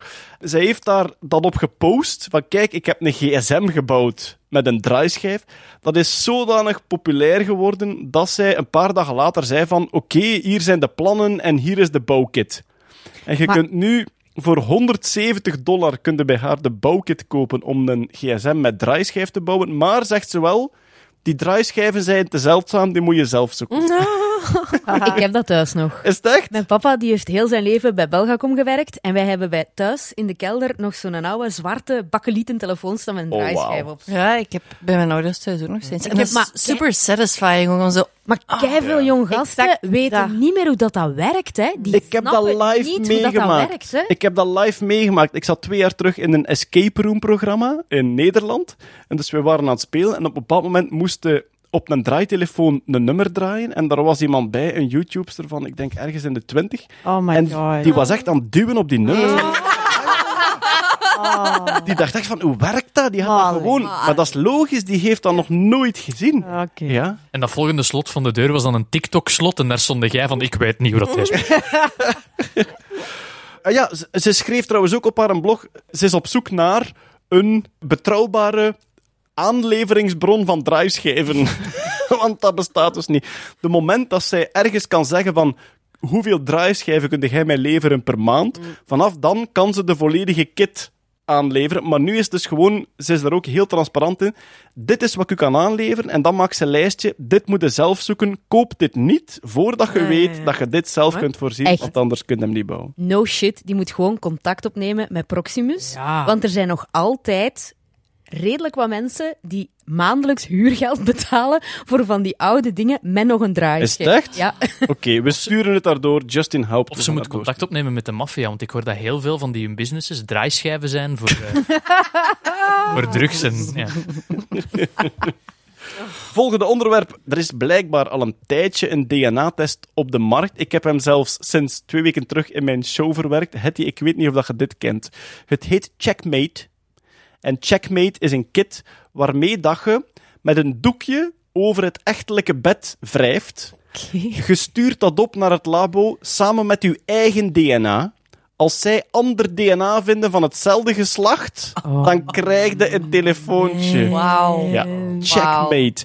Maar Stefanie, er zijn grote vragen over de juridische waarde of meer zelfs over het feit of dat je niet zelf aangeklaagd kunt worden als je dat gebruikt. Er zijn verschillende firma's die het aanbieden nu. Ik heb er een aantal gevonden. In de States stikt Amazon nou niet, dus je kunt daar eh, voor 300 dollar zo een eh, kit bestellen. Het hoeft ook niet per se een doekje te zijn die, waar dat je mee je echtelijk bed hebt opgewreven. Je kunt ook ondergoed meegeven of allerlei andere eh, zaken waarin Dat er juist. lichaamsappen zouden zitten. Ik heb dat gelezen. Checkmate bestond al nog voor de DNA-test. En toen was dat gewoon allerlei UV- en chemische testen Ah ja. op zaadsporen Ah, Ja, ja, ja. op de kleding. Ja, dat kan ook. En de, de semen detection test is iets goedkoper.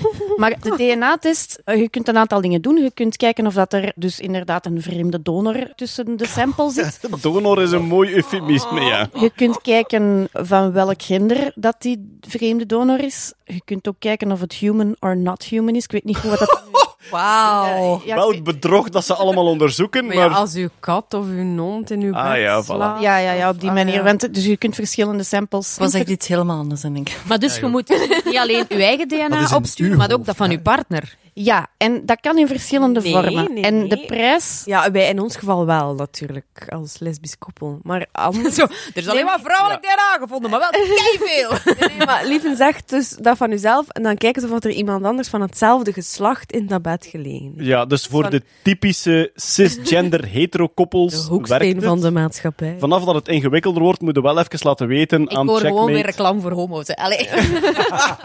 Dus inderdaad, als je je partner bedriegt, doe dat met iemand van je eigen geslacht. Of met een dat hond. Is, ja, voilà. Of met een hond. Ja, voilà, dat Maar ook, dus ja. nee, je kunt verschillende samples inleveren en de prijzen veranderen naar gelang welke bron dat is. Dus ja, semen stains, die zijn vrij goedkoop. Condoom is ook vrij goedkoop. Nu moet ik zeggen, als je een, een Dat gebruikte is ook wel een giveaway, vindt, eigenlijk. Ja. Ja, dan misschien is het al duidelijk. Zijn er Eh, prijzen voor de korstige sok? Of? Eh, dan,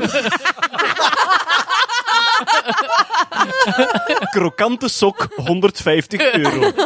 tandenborstels kan ook, maar dan zijn er een aantal Nee, rare. maar nu, Wat nu, doet nu even... tandenborstel? Oké, Nee, maar als er iemand een tandenborstel achterlaat in uw badkamer, Maar nee, nee, nee, gebruik van dezelfde tanden. Ja, dat is toch ook supergoed. dat hij uw tandenborstel kan Ja. gebruiken. zeg Ah, maar even, Jeroen, hoe triestig is uw overspel als de persoon moest schieten in een sok en die daarna achterlaat? Dat laat geen sporen.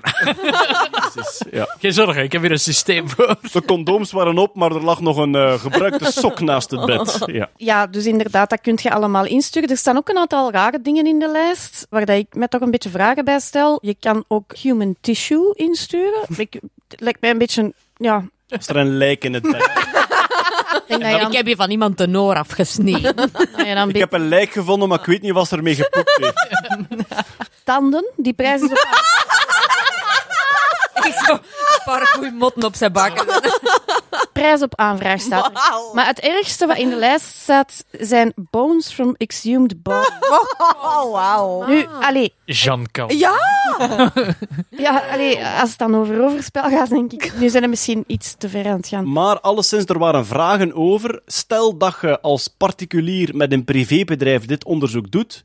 Ten eerste, waarschijnlijk mocht je het niet gebruiken in het gerecht. En ten tweede, waarschijnlijk zijn je zelf gewoon aanklaagbaar omdat je het doet. Dat hangt er vanaf in welke staat. In New York bijvoorbeeld doen ze het al niet. Daar mag het zeker niet. In de UK kan het enkel, zegt een van de bedrijven die ik heb gevonden. We doen het enkel in de UK met toestemming van alle partijen. Ja, wat daar dan ook al Ja, een beetje dat is, ja. denk dus je moet al weten wie dat de minnaar van uw vrouw is, want anders... Ja. Ja, en als bewijsmateriaal, natuurlijk elk bewijsmateriaal dat in een rechtszaal wordt voorgesteld, moet via legale manier zijn verkregen. Dus ik denk inderdaad niet dat je daar... De Duitse schepen zegt nee. Ik zie nu echt zo'n twaalfkoppige jury zitten. Bewijsstuk C. De korstige sok. Maar dus, het is op de markt. Je kunt bij privébedrijven DNA laten testen voor overspel of andere dingen of gelijk wat. Maar de, de vraag is of dat je jezelf niet op juridisch zeer glad terrein en zelfs... Ja, maar zolang ja, dat wat je het voor eigen Voilà, ging zeggen. Allee, kan dat, hè? Als je echt 300 euro wilt uitgeven om inderdaad ondergoed of weet ik veel wat te laten onderzoeken, dan is dat oké. Voor eigen gebruik. Voor eigen gebruik. Maar nee, of gewoon om te weten of wat uw lief u betreft. En dan, Ah, wel, dat noem ik eigen gebruik. Ja, en dan niet voor de rechtbank brengen. En Ja, maar de vraag gewoon is... uitmaken. De vraag is, als jij zegt, ik maak het uit met u, want ik heb DNA-sporen gevonden, of dat je liever niet kan aanklagen, dat jij dat niet had mogen doen, die DNA-sporen zoeken. Wat, En u dan verplichten om weer samen te... de- Ja. Nee, niet om weer samen te zijn, nee, nee. maar Dat de jij- bak in vliegen. Ja, in het Verenigd Koninkrijk inderdaad is dat uitdrukkelijk verboden. Je mag daar niet iemand zijn DNA laten onderzoeken zonder de consent van de persoon. Dus als je in het Verenigd Koninkrijk door het echtelijke bed swipet en je betrapt je partner op hier ligt DNA van een andere vent of een andere vrouw en je zegt ik maak het uit daarom, dan kan die een advocaat nemen en zeggen jij wordt veroordeeld omdat je DNA uit ons echtelijk bed gehaald hebt. Ja. Maar, maar niet, daarom niet van hem, hè? Ik weet het, maar daarom gaan die rechtszaken heel lang duren. Dus de advocaten gaan er alleen maar rijk van worden. En sowieso... dat vind ik ook een thema, en we gaan het nu niet aanraken, maar misschien een andere keer. De moment dat, en het is waarschijnlijk al bezig, hè, maar de moment dat de genetica binnenkomt in de rechtszalen, tuurlijk. niet alleen identificatie, maar ook, meneer de rechter, mijn klant heeft duidelijk een genetische aanleg tot agressie, dus we moeten hem strafvermindering tuurlijk. geven daarom. Ik denk dat dat in de komende jaren nog een issue Mhm. wordt, maar het zou ons te ver leiden, dus dat is voor een volgende keer, of misschien voor een true crime podcast, die Stefanie Ja, die staan nog altijd op mijn lijstje. hè. heel graag wil opstarten. Het volgende is alweer bij de insectjes. Peter, er was een bericht. De hommels hebben de wetenschap een beetje doen twijfelen over wat zijn de grenzen tussen de zintuigen. Nu- Hoe komt het? Ja, we hebben nu al, al een paar keer zo van die dingen gehad dat de, tussen aanhalingstekens, intellectuele capaciteiten van insecten ons toch wel een beetje verbazen. Hè? Bijen kennen het concept nul, ze kunnen tot vier tellen. Wat hadden we nog? Eh, Wespen, die kennen een bepaalde inferente logica. Terwijl dat En wij nu- dachten dat dat echt gewoon dat hele gewoon domme kunnen. logaritmes Ja, waren. ja. En nu blijkt dat hommels, ah ja, hommels kunnen ook iets aanleren door te kijken naar een andere hommel hoe die dat doet. Dus echt? je kunt, over- ja, ja. Overname van gedrag. ja, oké. En nu blijkt dat een hommel een vorm in het donker kan op de tast herkennen die hij eerst heeft kunnen zien, maar niet heeft kunnen aanraken. Wauw. Ah. Dus hè, ik, bijvoorbeeld, ik geef u een bepaald voorwerp dat je nog nooit hebt aangeraakt. Je krijgt dat alleen te zien. En daarna steken we dat met een aantal andere voorwerpen in een zak. En jij moet op de tast dat eruit proberen te halen. Oké. Wij kunnen dat. Ja. En er zijn een aantal primaten die dat ook nog kunnen. Andere primaten. Maar nu blijken hommels dat ook te kunnen. Er is dan een groep hommels die hebben ze eerst achter een glazen plaatje, dus een bol en een kubus. En eentje van de twee, daar hadden ze suikerwater in gedaan. Maar de hommels konden alleen door een gaatje het suikerwater uit die vorm halen. Maar ze konden voor de rest alleen dat ding zien. Ja. En daarna konden ze die vorm wel betasten, maar dan was het donker en ze halen die er feilloos uit. Maar dus eigenlijk, wat ik nu leer uit uw vele verhalen van de voorbije maanden, je kunt insecten eigenlijk alles laten doen als ze maar suikerwater krijgen. Ja.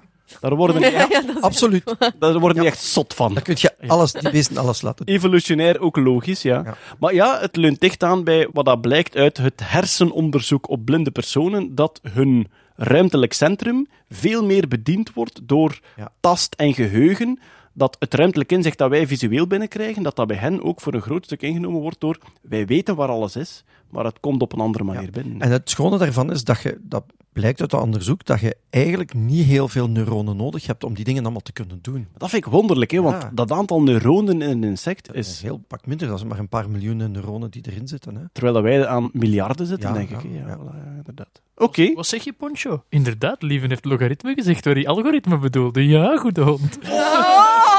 Amai.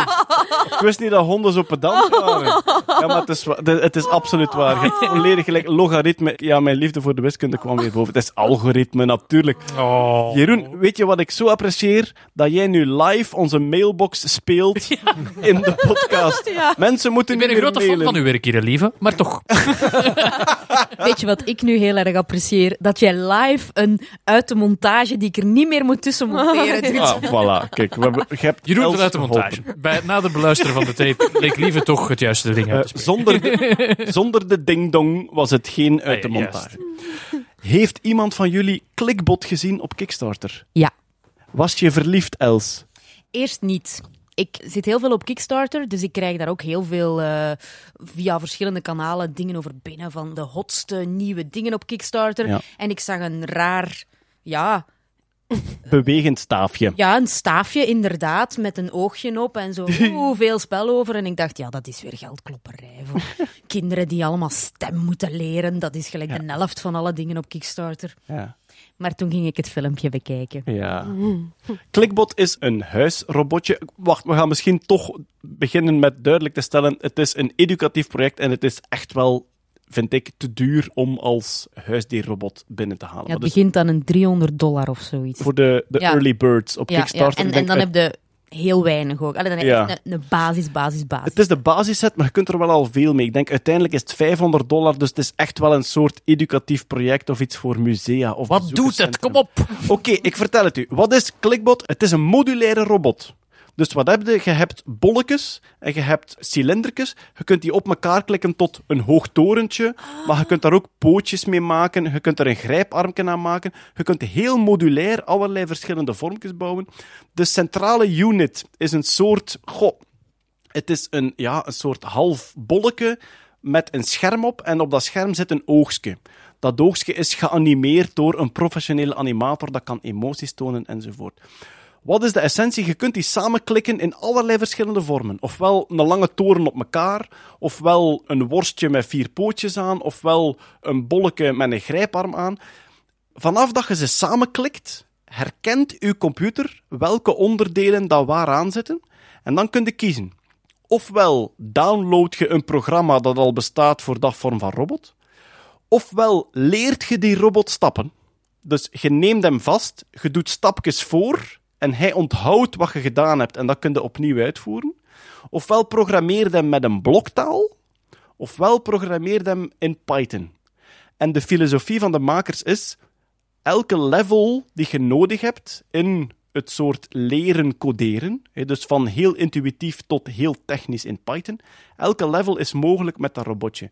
En die animatie is wel, en daar zijn ze wel heel slim in, die animatie is zodanig schattig gemaakt. En die zit helemaal links van de Uncanny Valley. hè. Er is niets menselijk aan, er is gewoon een heel schattig dingetje dat rondbeweegt. Eh, Goed, ik ga het niet kopen, want het is niet voor particulieren. Het is echt voor Jan bedrijven. Neuzel en- doen, je hebt er al drie besteld. Nee, Ja, nee voor u. absoluut niet. Tussen aanhalingsteken kinderen. Het is, enfin, We hebben die kinderen echt- nog nooit gezien, hè. Ten, ten huize Scheren arriveert er veel speelgoed, maar die kinderen nog nooit gezien. Die liggen altijd in bed. het is te duur en ook, ik heb gewoon geen tijd om ermee te spelen. Misschien, misschien wordt dat door het project. Misschien moet ik ooit een ruimte inrichten voor alles wat ik koop, waar ik geen tijd voor heb, waar dat jij, Jeroen en Kurt Beheid dan in. Je weet, dat we, je weet dat we dat uiteen gaan wijzen en er Linux op draaien. En je kunt daar niks meer mee doen. hè. Hoe zit het met het robotje? Ik weet het niet, maar we zitten er op de Pirate Bay mee. Ja. We zijn Doom aan het spelen op je robotje. Ja, oké. Maar ja, Clickbot, check het even uit. Het filmpje is fantastisch. Het is volgens mij een echt veelbelovend project. Het is volgens mij echt ook niet voor particulieren, maar ja, ik hoop dat het iets wordt. Het is mooi om naar te kijken en soms is dat genoeg. We hadden hier beloofd dat er een Romein opgegraven ging worden. Peter, vorige keer bij Plinius hebben we het voordeel van de twijfel gegeven, als zijnde er was geen hard bewijs, maar alle dingen wezen wel op hier is iets speciaal gevonden. Wat er nu gebeurd is, ze hebben een graf opengemaakt waarvan ze zeggen dat het Romulus is, van Romulus en Remus. En dan denk ik, zitten we dan niet heel diep in de legende zonder Natuurlijk. echte historie. Maar Romulus is nooit begraven, die is ten hemel gevaren. Hè? Oké. Dus... Vertel ons wat er gebeurt. Nee, nee, ze hebben op het Forum Romanum hebben ze een graf gevonden. En ze noemen dat eigenlijk een heroon of een heroum. En dat is eigenlijk gewoon een schrijn voor een held of een legendarische figuur waarvan ze de overblijfselen niet hebben. Ah, oké. Ja, dus, en ze vermoeden, het dateert van 600 voor Christus, dus het is heel interessant omdat het uit een periode dateert van het Romeinse Rijk, of, of de Romeinse Republiek, of de Koningstijd eigenlijk, waar we eigenlijk heel weinig van af weten. Dat is Dus, gigantisch lang Ja, ja, geleden ook. ja, Zes- ja. Dus echt lang voor... Enfin, ik weet- ik- Romulus is volgens de legende gesticht in 753 voor Christus. Maar dat graf, Ja. want je zegt het is een graf voor iemand waarvan ze de overblijfselen niet hebben. Dus het was expliciet, hier ligt niets in. Maar ze denken dat het wel degelijk in de tijd van de Romeinen is gebouwd voor de verering van Romulus. Mhm. Hoe kunnen ze Maar- nu op dat Forum Romanum nog nieuwe dingen vinden? Is dat niet Je al... vindt overal in Rome nog van alles. Langs de andere kant dat Forum Romanum, dat En is een rommeltje. Ik ben er een paar maanden geleden nog geweest en inderdaad, dat staat daar nog allemaal Ja. in. Ja. Allee, ze zijn er nog overal aan het Ja, graven. dat is hè. een rommel, Ja, hè. maar dit zat ondergronds. Hè? Dus daar is kort aan het Senaatsgebouw, daar staat een zwarte steen, de lapis niger. Mhm. Zou, daar staat een hele oude tekst op. En onder die steen zit een kelder. En die hebben ze al heel lang geleden ontdekt. Maar nu zijn ze daar in de buurt verder gaan graven. En daar hebben ze nog een andere kelder gevonden. En daar zit dat, zat een sarcofaag in. Een sarcofaag, maar ook resten in? Nee, Of- geen. Oké, Dus een soort ceremonieel Ja, graf. dus ze vermoeden dat het echt een ceremonieel graf is voor de verering van Romulus of een andere koning of held. Dat weten ze niet. En een Remy. Ah, oké. Ja, ze- Remus is gedood. door zijn Verscheurd broer. door de wolven. Door- Nee, nee, nee, nee. nee. Gedood Gedood door zijn Romulus, broer, hè? ja. In een ruzie over de hoogte van de muur. En waar ligt die Maar dat is toch een en al legende? Dat is of niet? legende, hè? Die hebben, waarschijnlijk hebben die nooit bestaan, hè? Ja, zeg. Dat is, maar- Maar waarom denken ze dan dat dit specifiek de verering van... Hm. Omdat je dan in kranten en in podcast komt. Ja. En als je, zegt, als, Ja, ja. als je zegt, we weten het niet, dan vernoemen ze je. Wel, er wordt hier ook wel gezegd dat ze er zo een verhaaltje aan geven, omdat ze dan ook weer wat fondsen kunnen winnen. Oké, we gaan nog heel eventjes ingaan op de xenobots. De xenobots zijn robotjes uit levende cellen die gebouwd zijn uit kikkercellen. Ik denk huid- en hartcellen. Huid en hart, ja. Of voorlopers daarvan, ja. We hebben ze al twee keer vernoemd. Hè. We hebben ze in de CRISPR special vernoemd, we hebben ze vorige keer vernoemd. Maar gewoon om het af te sluiten, het zijn robotjes die ze bepaalde vormen geven, die bepaalde bewegingen kunnen doen. En die hopelijk in de toekomst ook echt functioneel kunnen worden. Ja, met AI, sorry voor het woord, dan hebben ze uitgerekend in welke, ja, een soort Lego-bouwdoos, in welke volgorde dat ze enerzijds hartcellen die dus voor de beweging zorgen, anderzijds huidcellen of voorlopers van huidcellen die voor de stevigheid zorgen, hoe dat ze die aan elkaar moeten zetten, opdat die bepaald soort bewegingen zouden kunnen doen. Hè. Zigzag of rechtdoor of trappelend of drijvend of wat dan ook. En ik vind dat, nee, het is, het is mij direct opgevallen, dat, dat nieuwsbericht. Ik vind het gigantisch fascinerend. Op, op welke manier dat eigenlijk cellen van een levend organisme op een totaal andere manier aan elkaar gezet worden om daar ook iets functioneel mee te gaan doen. En dan ook zo opnieuw die, die grens met dat ethische ook. Ja, de vraag werd dan gesteld, wat als we dit ooit doen met menselijke cellen? Allee, wat als dit bewustzijn zou krijgen? Wat als dit zich ooit zou kunnen gaan voortplanten? Allee, ik, ik vind... Ik vind een fantastische grens tussen technologie en ethiek en ja, ik vind het maf. Die vraag wordt gesteld en ergens in China steekt er iemand zijn kop buiten.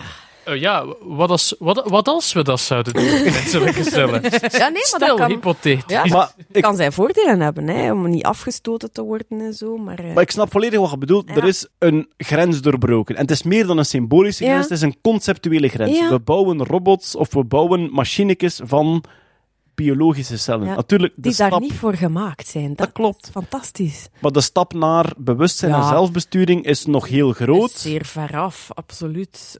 Maar, maar het idee alleen al dat het kan en dat het gebeurd is. Er is een conceptuele Ja, grens eh, doorgestoken. En ik vind inderdaad het maakproces, hoe dat ze de computer zelf laten berekenen hebben, welke vormen gaan welke bewegingen maken. Ja. En daarna pas die gebouwd hebben in levende cellen, dat is geweldig Gigantisch. Ja, ik Ja. ga het van heel nabij opvolgen. Ik hoor een variant op, dat test Geerst op muizen. Dat Mm. doet Geerst met kikkercellen.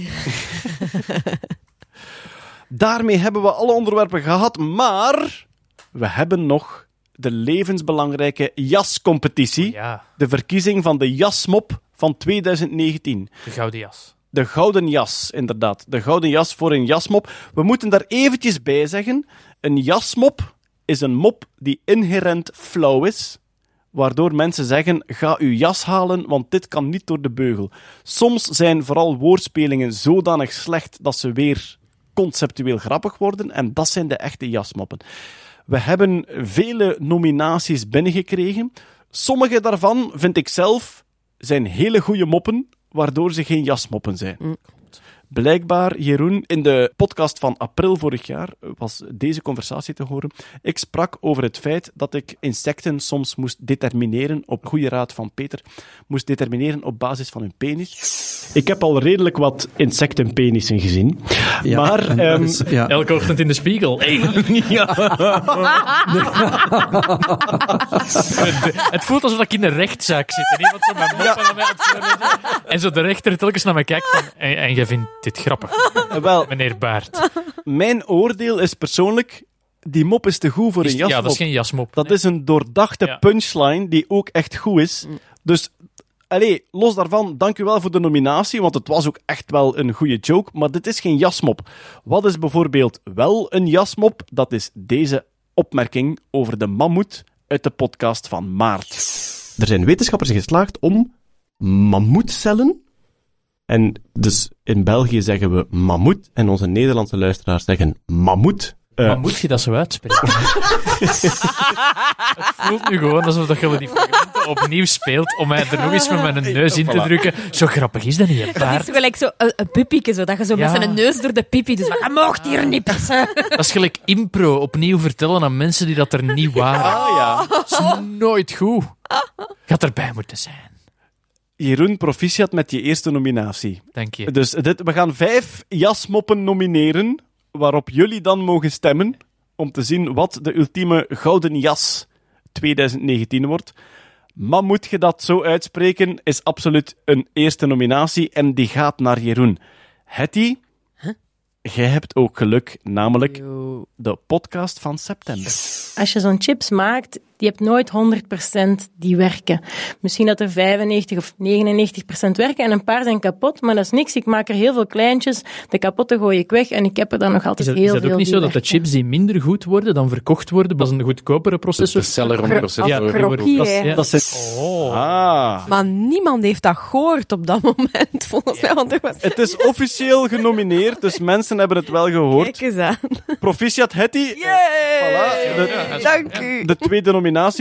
We gaan, vrees ik, alweer naar Jeroen. Ah, yes. Ja, en het gaat over het feit dat je lichamen koud kunt bewaren en ze daardoor langer levensvatbaar houden. En we zitten in december. Er zijn mensen die verdrinken, dat noemen ze cold drowning, denk ik. Dus die een uur onder water liggen zonder hartslag en die toch nog kunnen geresusciteerd Maar worden. allee. Wat een... Ik neem mijn zonnebril even af. Koud kunstje. Dit zijn de Oscars van 98 en ik ben Titanic. Kom op. Give me, give me the award. Proficiat Jeroen, een klassieker. We gaan nu zowaar naar Stefanie. De eerste penistransplantatie was al gebeurd. Dit was een penistransplantatie met scrotum uit de podcast van december. Het is echt een waanzinnig succesverhaal. Dus probeert uw mopjes even in te houden, oké? Want het gaat hier over, het gaat, ja, Kurt, even. Het gaat hier over een Amerikaanse soldaat. Die zat in Afghanistan, die is op een bom getrapt en die is eigenlijk de onderkant van zijn lichaam kwijtgeraakt. Dus alles, alles, alles weg. Ja. Ik wist echt 15 seconden baard, 15 Ik ga, ik ga een seconden. Porsche over mijn mond houden. We gaan even Hetty tijd geven, want die is aan het hyperventileren. Het klinkt nog beter als je niet durft lachen. Hetty, als je het zo... Ja. Niet lachen. Oké, dus. Ja, die kerel heeft natuurlijk protheses gekregen voor zijn benen. En er waren al piemeltransplantaties, maar niet in deze mate. Dus dan is er een of andere moedige of baldadige chirurg geweest. Maar, maar! Nu deze was volledig. Ja, je zegt bal. Je zegt bal. Stefanie, als ik me niet vergis, hadden niet eens door dat je een jasmop gemaakt Nee, had. ik wou echt gewoon het woord baldadig nog eens gebruiken. Ik vind dat een mooi woord. Ja, Er gaat het geen was- dag voorbij dat ik niet aan die conversatie denk. Gelukkig heeft op hetzelfde onderwerp ook Jeroen een jaspop gemaakt. Namelijk... benen verbrijzeld. Eh, ja, ja, piemel, testikels, Alles scrotum, alles, alles, alles weg. ja. Ik wist echt. En dan net na ik had gezegd, houd nu even uw mopjes in en Jeroen heeft het 15 seconden volgehouden. Ladies. We noemen hem wel eens Jeroen 15 seconden baard. Goed, Jeroen, we zitten met drie nominaties voor u. Er is eentje voor Hetty, er is eentje voor Stefanie. Je weet wat ze zeggen over het verdelen van de stemmen. Het zou kunnen dat alle fans van u de stemmen nu gaan verdelen over de drie. Dus ik noemde het als een soort van Oscar-momentje. Ik ben de enigste genomineerde man. Allee, blanke hetero man. ik weet niet of dat zo goed staat voor mij. Daarmee hebben we vijf genomineerden voor de titel Gouden Jas 2019, die verschijnen vanaf nu op de website goudenjas.be. Iedereen die wil mag voor zijn of haar favoriet stemmen op goudenjas.be. En de bekendmaking gebeurt waarschijnlijk op Sound of Science. Sound of Science, het jaarlijkse wetenschapsfestival dat ook deze keer weer doorgaat. Wanneer is het? 16 en 17 mei in eh, Domein Puimbroek in Wachtebeke. De mooiste gemeente van Vlaanderen, Wachtebeke. Ja. Veel groter domein. In tegenstelling tot vorig jaar niet op vrijdagavond en zaterdag, maar wel op zaterdagavond en zondag. Tickets die zijn vanaf 1 maart zijn ze in de verkoop gegaan. Het leuke is denk ik toch in deze bende dat het Nerdland eigenlijk drie uur carte blanche krijgt de zaterdagavond. En dat wij daar denk ik gigantisch ferme dingen gaan doen. Wij gaan een zaterdagavond Ja. claimen Ja, met, en vullen. Met, voilà, met demo's, met freewheelen, met out of the boxen, met podcast, met... eh, Maar dus sowieso, wat weten we nu al? Want we moeten nog veel beslissen. Hè? Live podcast op zaterdagavond van Sound of Science. Ja, hè? de gouden jas. Eh, daar De gaan, Gouden de, daar gaan de drie uur klaar. En we gaan proberen van daarvoor en daarna nog andere dingen Voilà. te bekijken. Denk- Science demos. Dat wordt niet genoeg benoemd, maar ik denk dat wij met een, een heel talentvolle bende zitten hier rond tafel. Ik denk dat wij allemaal nog veel meer kunnen dan podcasten alleen. En ik denk dat het tijd is om een keer onze... Ja, Kunsten te laten zien. Pontenavond, pontenavond. Sketchjes. We moeten een soort allitererende titel verzinnen om een soort Antwerps nerdtheater te kunnen. zoiets. Ja. Maar is er op de zaterdag overdag dan nee, ook? Nee, nee, nee. Dus, Dus het za- het begint ja, zaterdagavond. Ja, ja, wij hebben heel de avond. Dus het begint om zeven uur tot eh, half elf gaan wij door. Deuren gaan open om, eh, om vijf uur. Je kan al iets eten, iets drinken vooraf.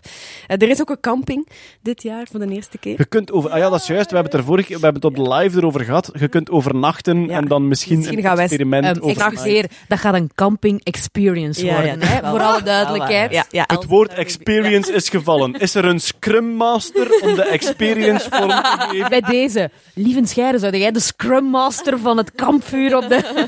Nee. Komen er s'nachts drie zatte Nederlanders tegen mijn tent pissen? Want anders vind ik het geen officiële kampervaring. Als jij komt kamperen, zorg ik voor de Nederlanders. Dat is zoiets dat we niet gaan hebben met een nerdcamping, dat er s'nachts zo hip, hip, hoera, Hollandse hoera. Of voor de zoveelste keer Seven Nation Army. Ik denk persoonlijk, als je op Sound of Science tegen iemand zijn tent piest s'nachts, dat je daarna een stemmetje hoort. Eh, excuseer dat ik het moet melden, maar dus je bent zwanger en je hebt iets te lage waarde van vitamine. Trouwens, ik nam Nederlanders hier als, als eh, het stereotype voorbeeld van een typische Belgemop. Uiteraard Ja, want- zijn er veel meer Vlamingen die in het buitenland tegen andermans tent gaan urineren. Net op tijd, Jeroen. Inderdaad. Een internationale rel vermeden. We waren bijna geschrapt van het UNESCO-werelderfgoed. Jeroen Koffie Annan Baart. De tickets zijn nu al te koop, denk ik. Soundofscience.be. De camping zal zeer snel volzet zijn. Dus eh, eh, go, go, go, zou ik zeggen. Voilà, en wij hopen jullie daar allemaal te zien. Want ja, vorig jaar was dat een feest. Twee jaar geleden was dat een feest. We kunnen dat enkel maar eh, een jaarlijks feest beginnen noemen. Hè? het. Sound of Science Festival. Toch nog snel even lieven vanuit de montage, want eh velen van ons die eh, zitten thuis met eh, kinderen die niet naar school gaan de komende weken en iedereen vraagt zich af, kunnen we die educatieve activiteiten geven waar ze toch nog iets van opsteken? Er zijn ook mensen technisch werkloos, zoals ik zelf, ehm, en die vragen zich waarschijnlijk af, kan ik mijn tijd toch nuttig besteden? Zijn er ehm, scholingen, cursussen eh, online te vinden die je kan doen? Eh, en natuurlijk zijn er ook mensen die gewoon thuis zitten en af en toe eens entertainment nodig hebben. En voor al die dingen gaan wij met Nerdland een pagina vol tips openen. Eh, dus eh, dingen die je met de kinderen kan doen, eh, dingen voor je eigen vorming en natuurlijk ook gewoon entertainment en games enzovoort. Je vindt die op maandoverzicht.nerdland.be slash the-boring-list. The boring list. maandoverzicht.nerdland.be slash the-boring-list voor uw volledig survival pakket voor de komende, ja, nog niet lockdown, maar misschien binnenkort wel. Daarmee hebben we alles gehad voor vandaag. En dankjewel Els Aerts. Met veel om plezier. erbij te zijn. Hetty Helsmoortel. Stefanie Duggene. Bye. Jeroen Baar. Excuus. Samen met zijn hond de Poncho. Hey, die geen geluid maakt. Dus ja, nee, nee graag even, hier. even niet. Peter Berks. Dag. Natta Kerkhoffs. Ajustrus. Graag tot de volgende keer. Eh, dag. Dag.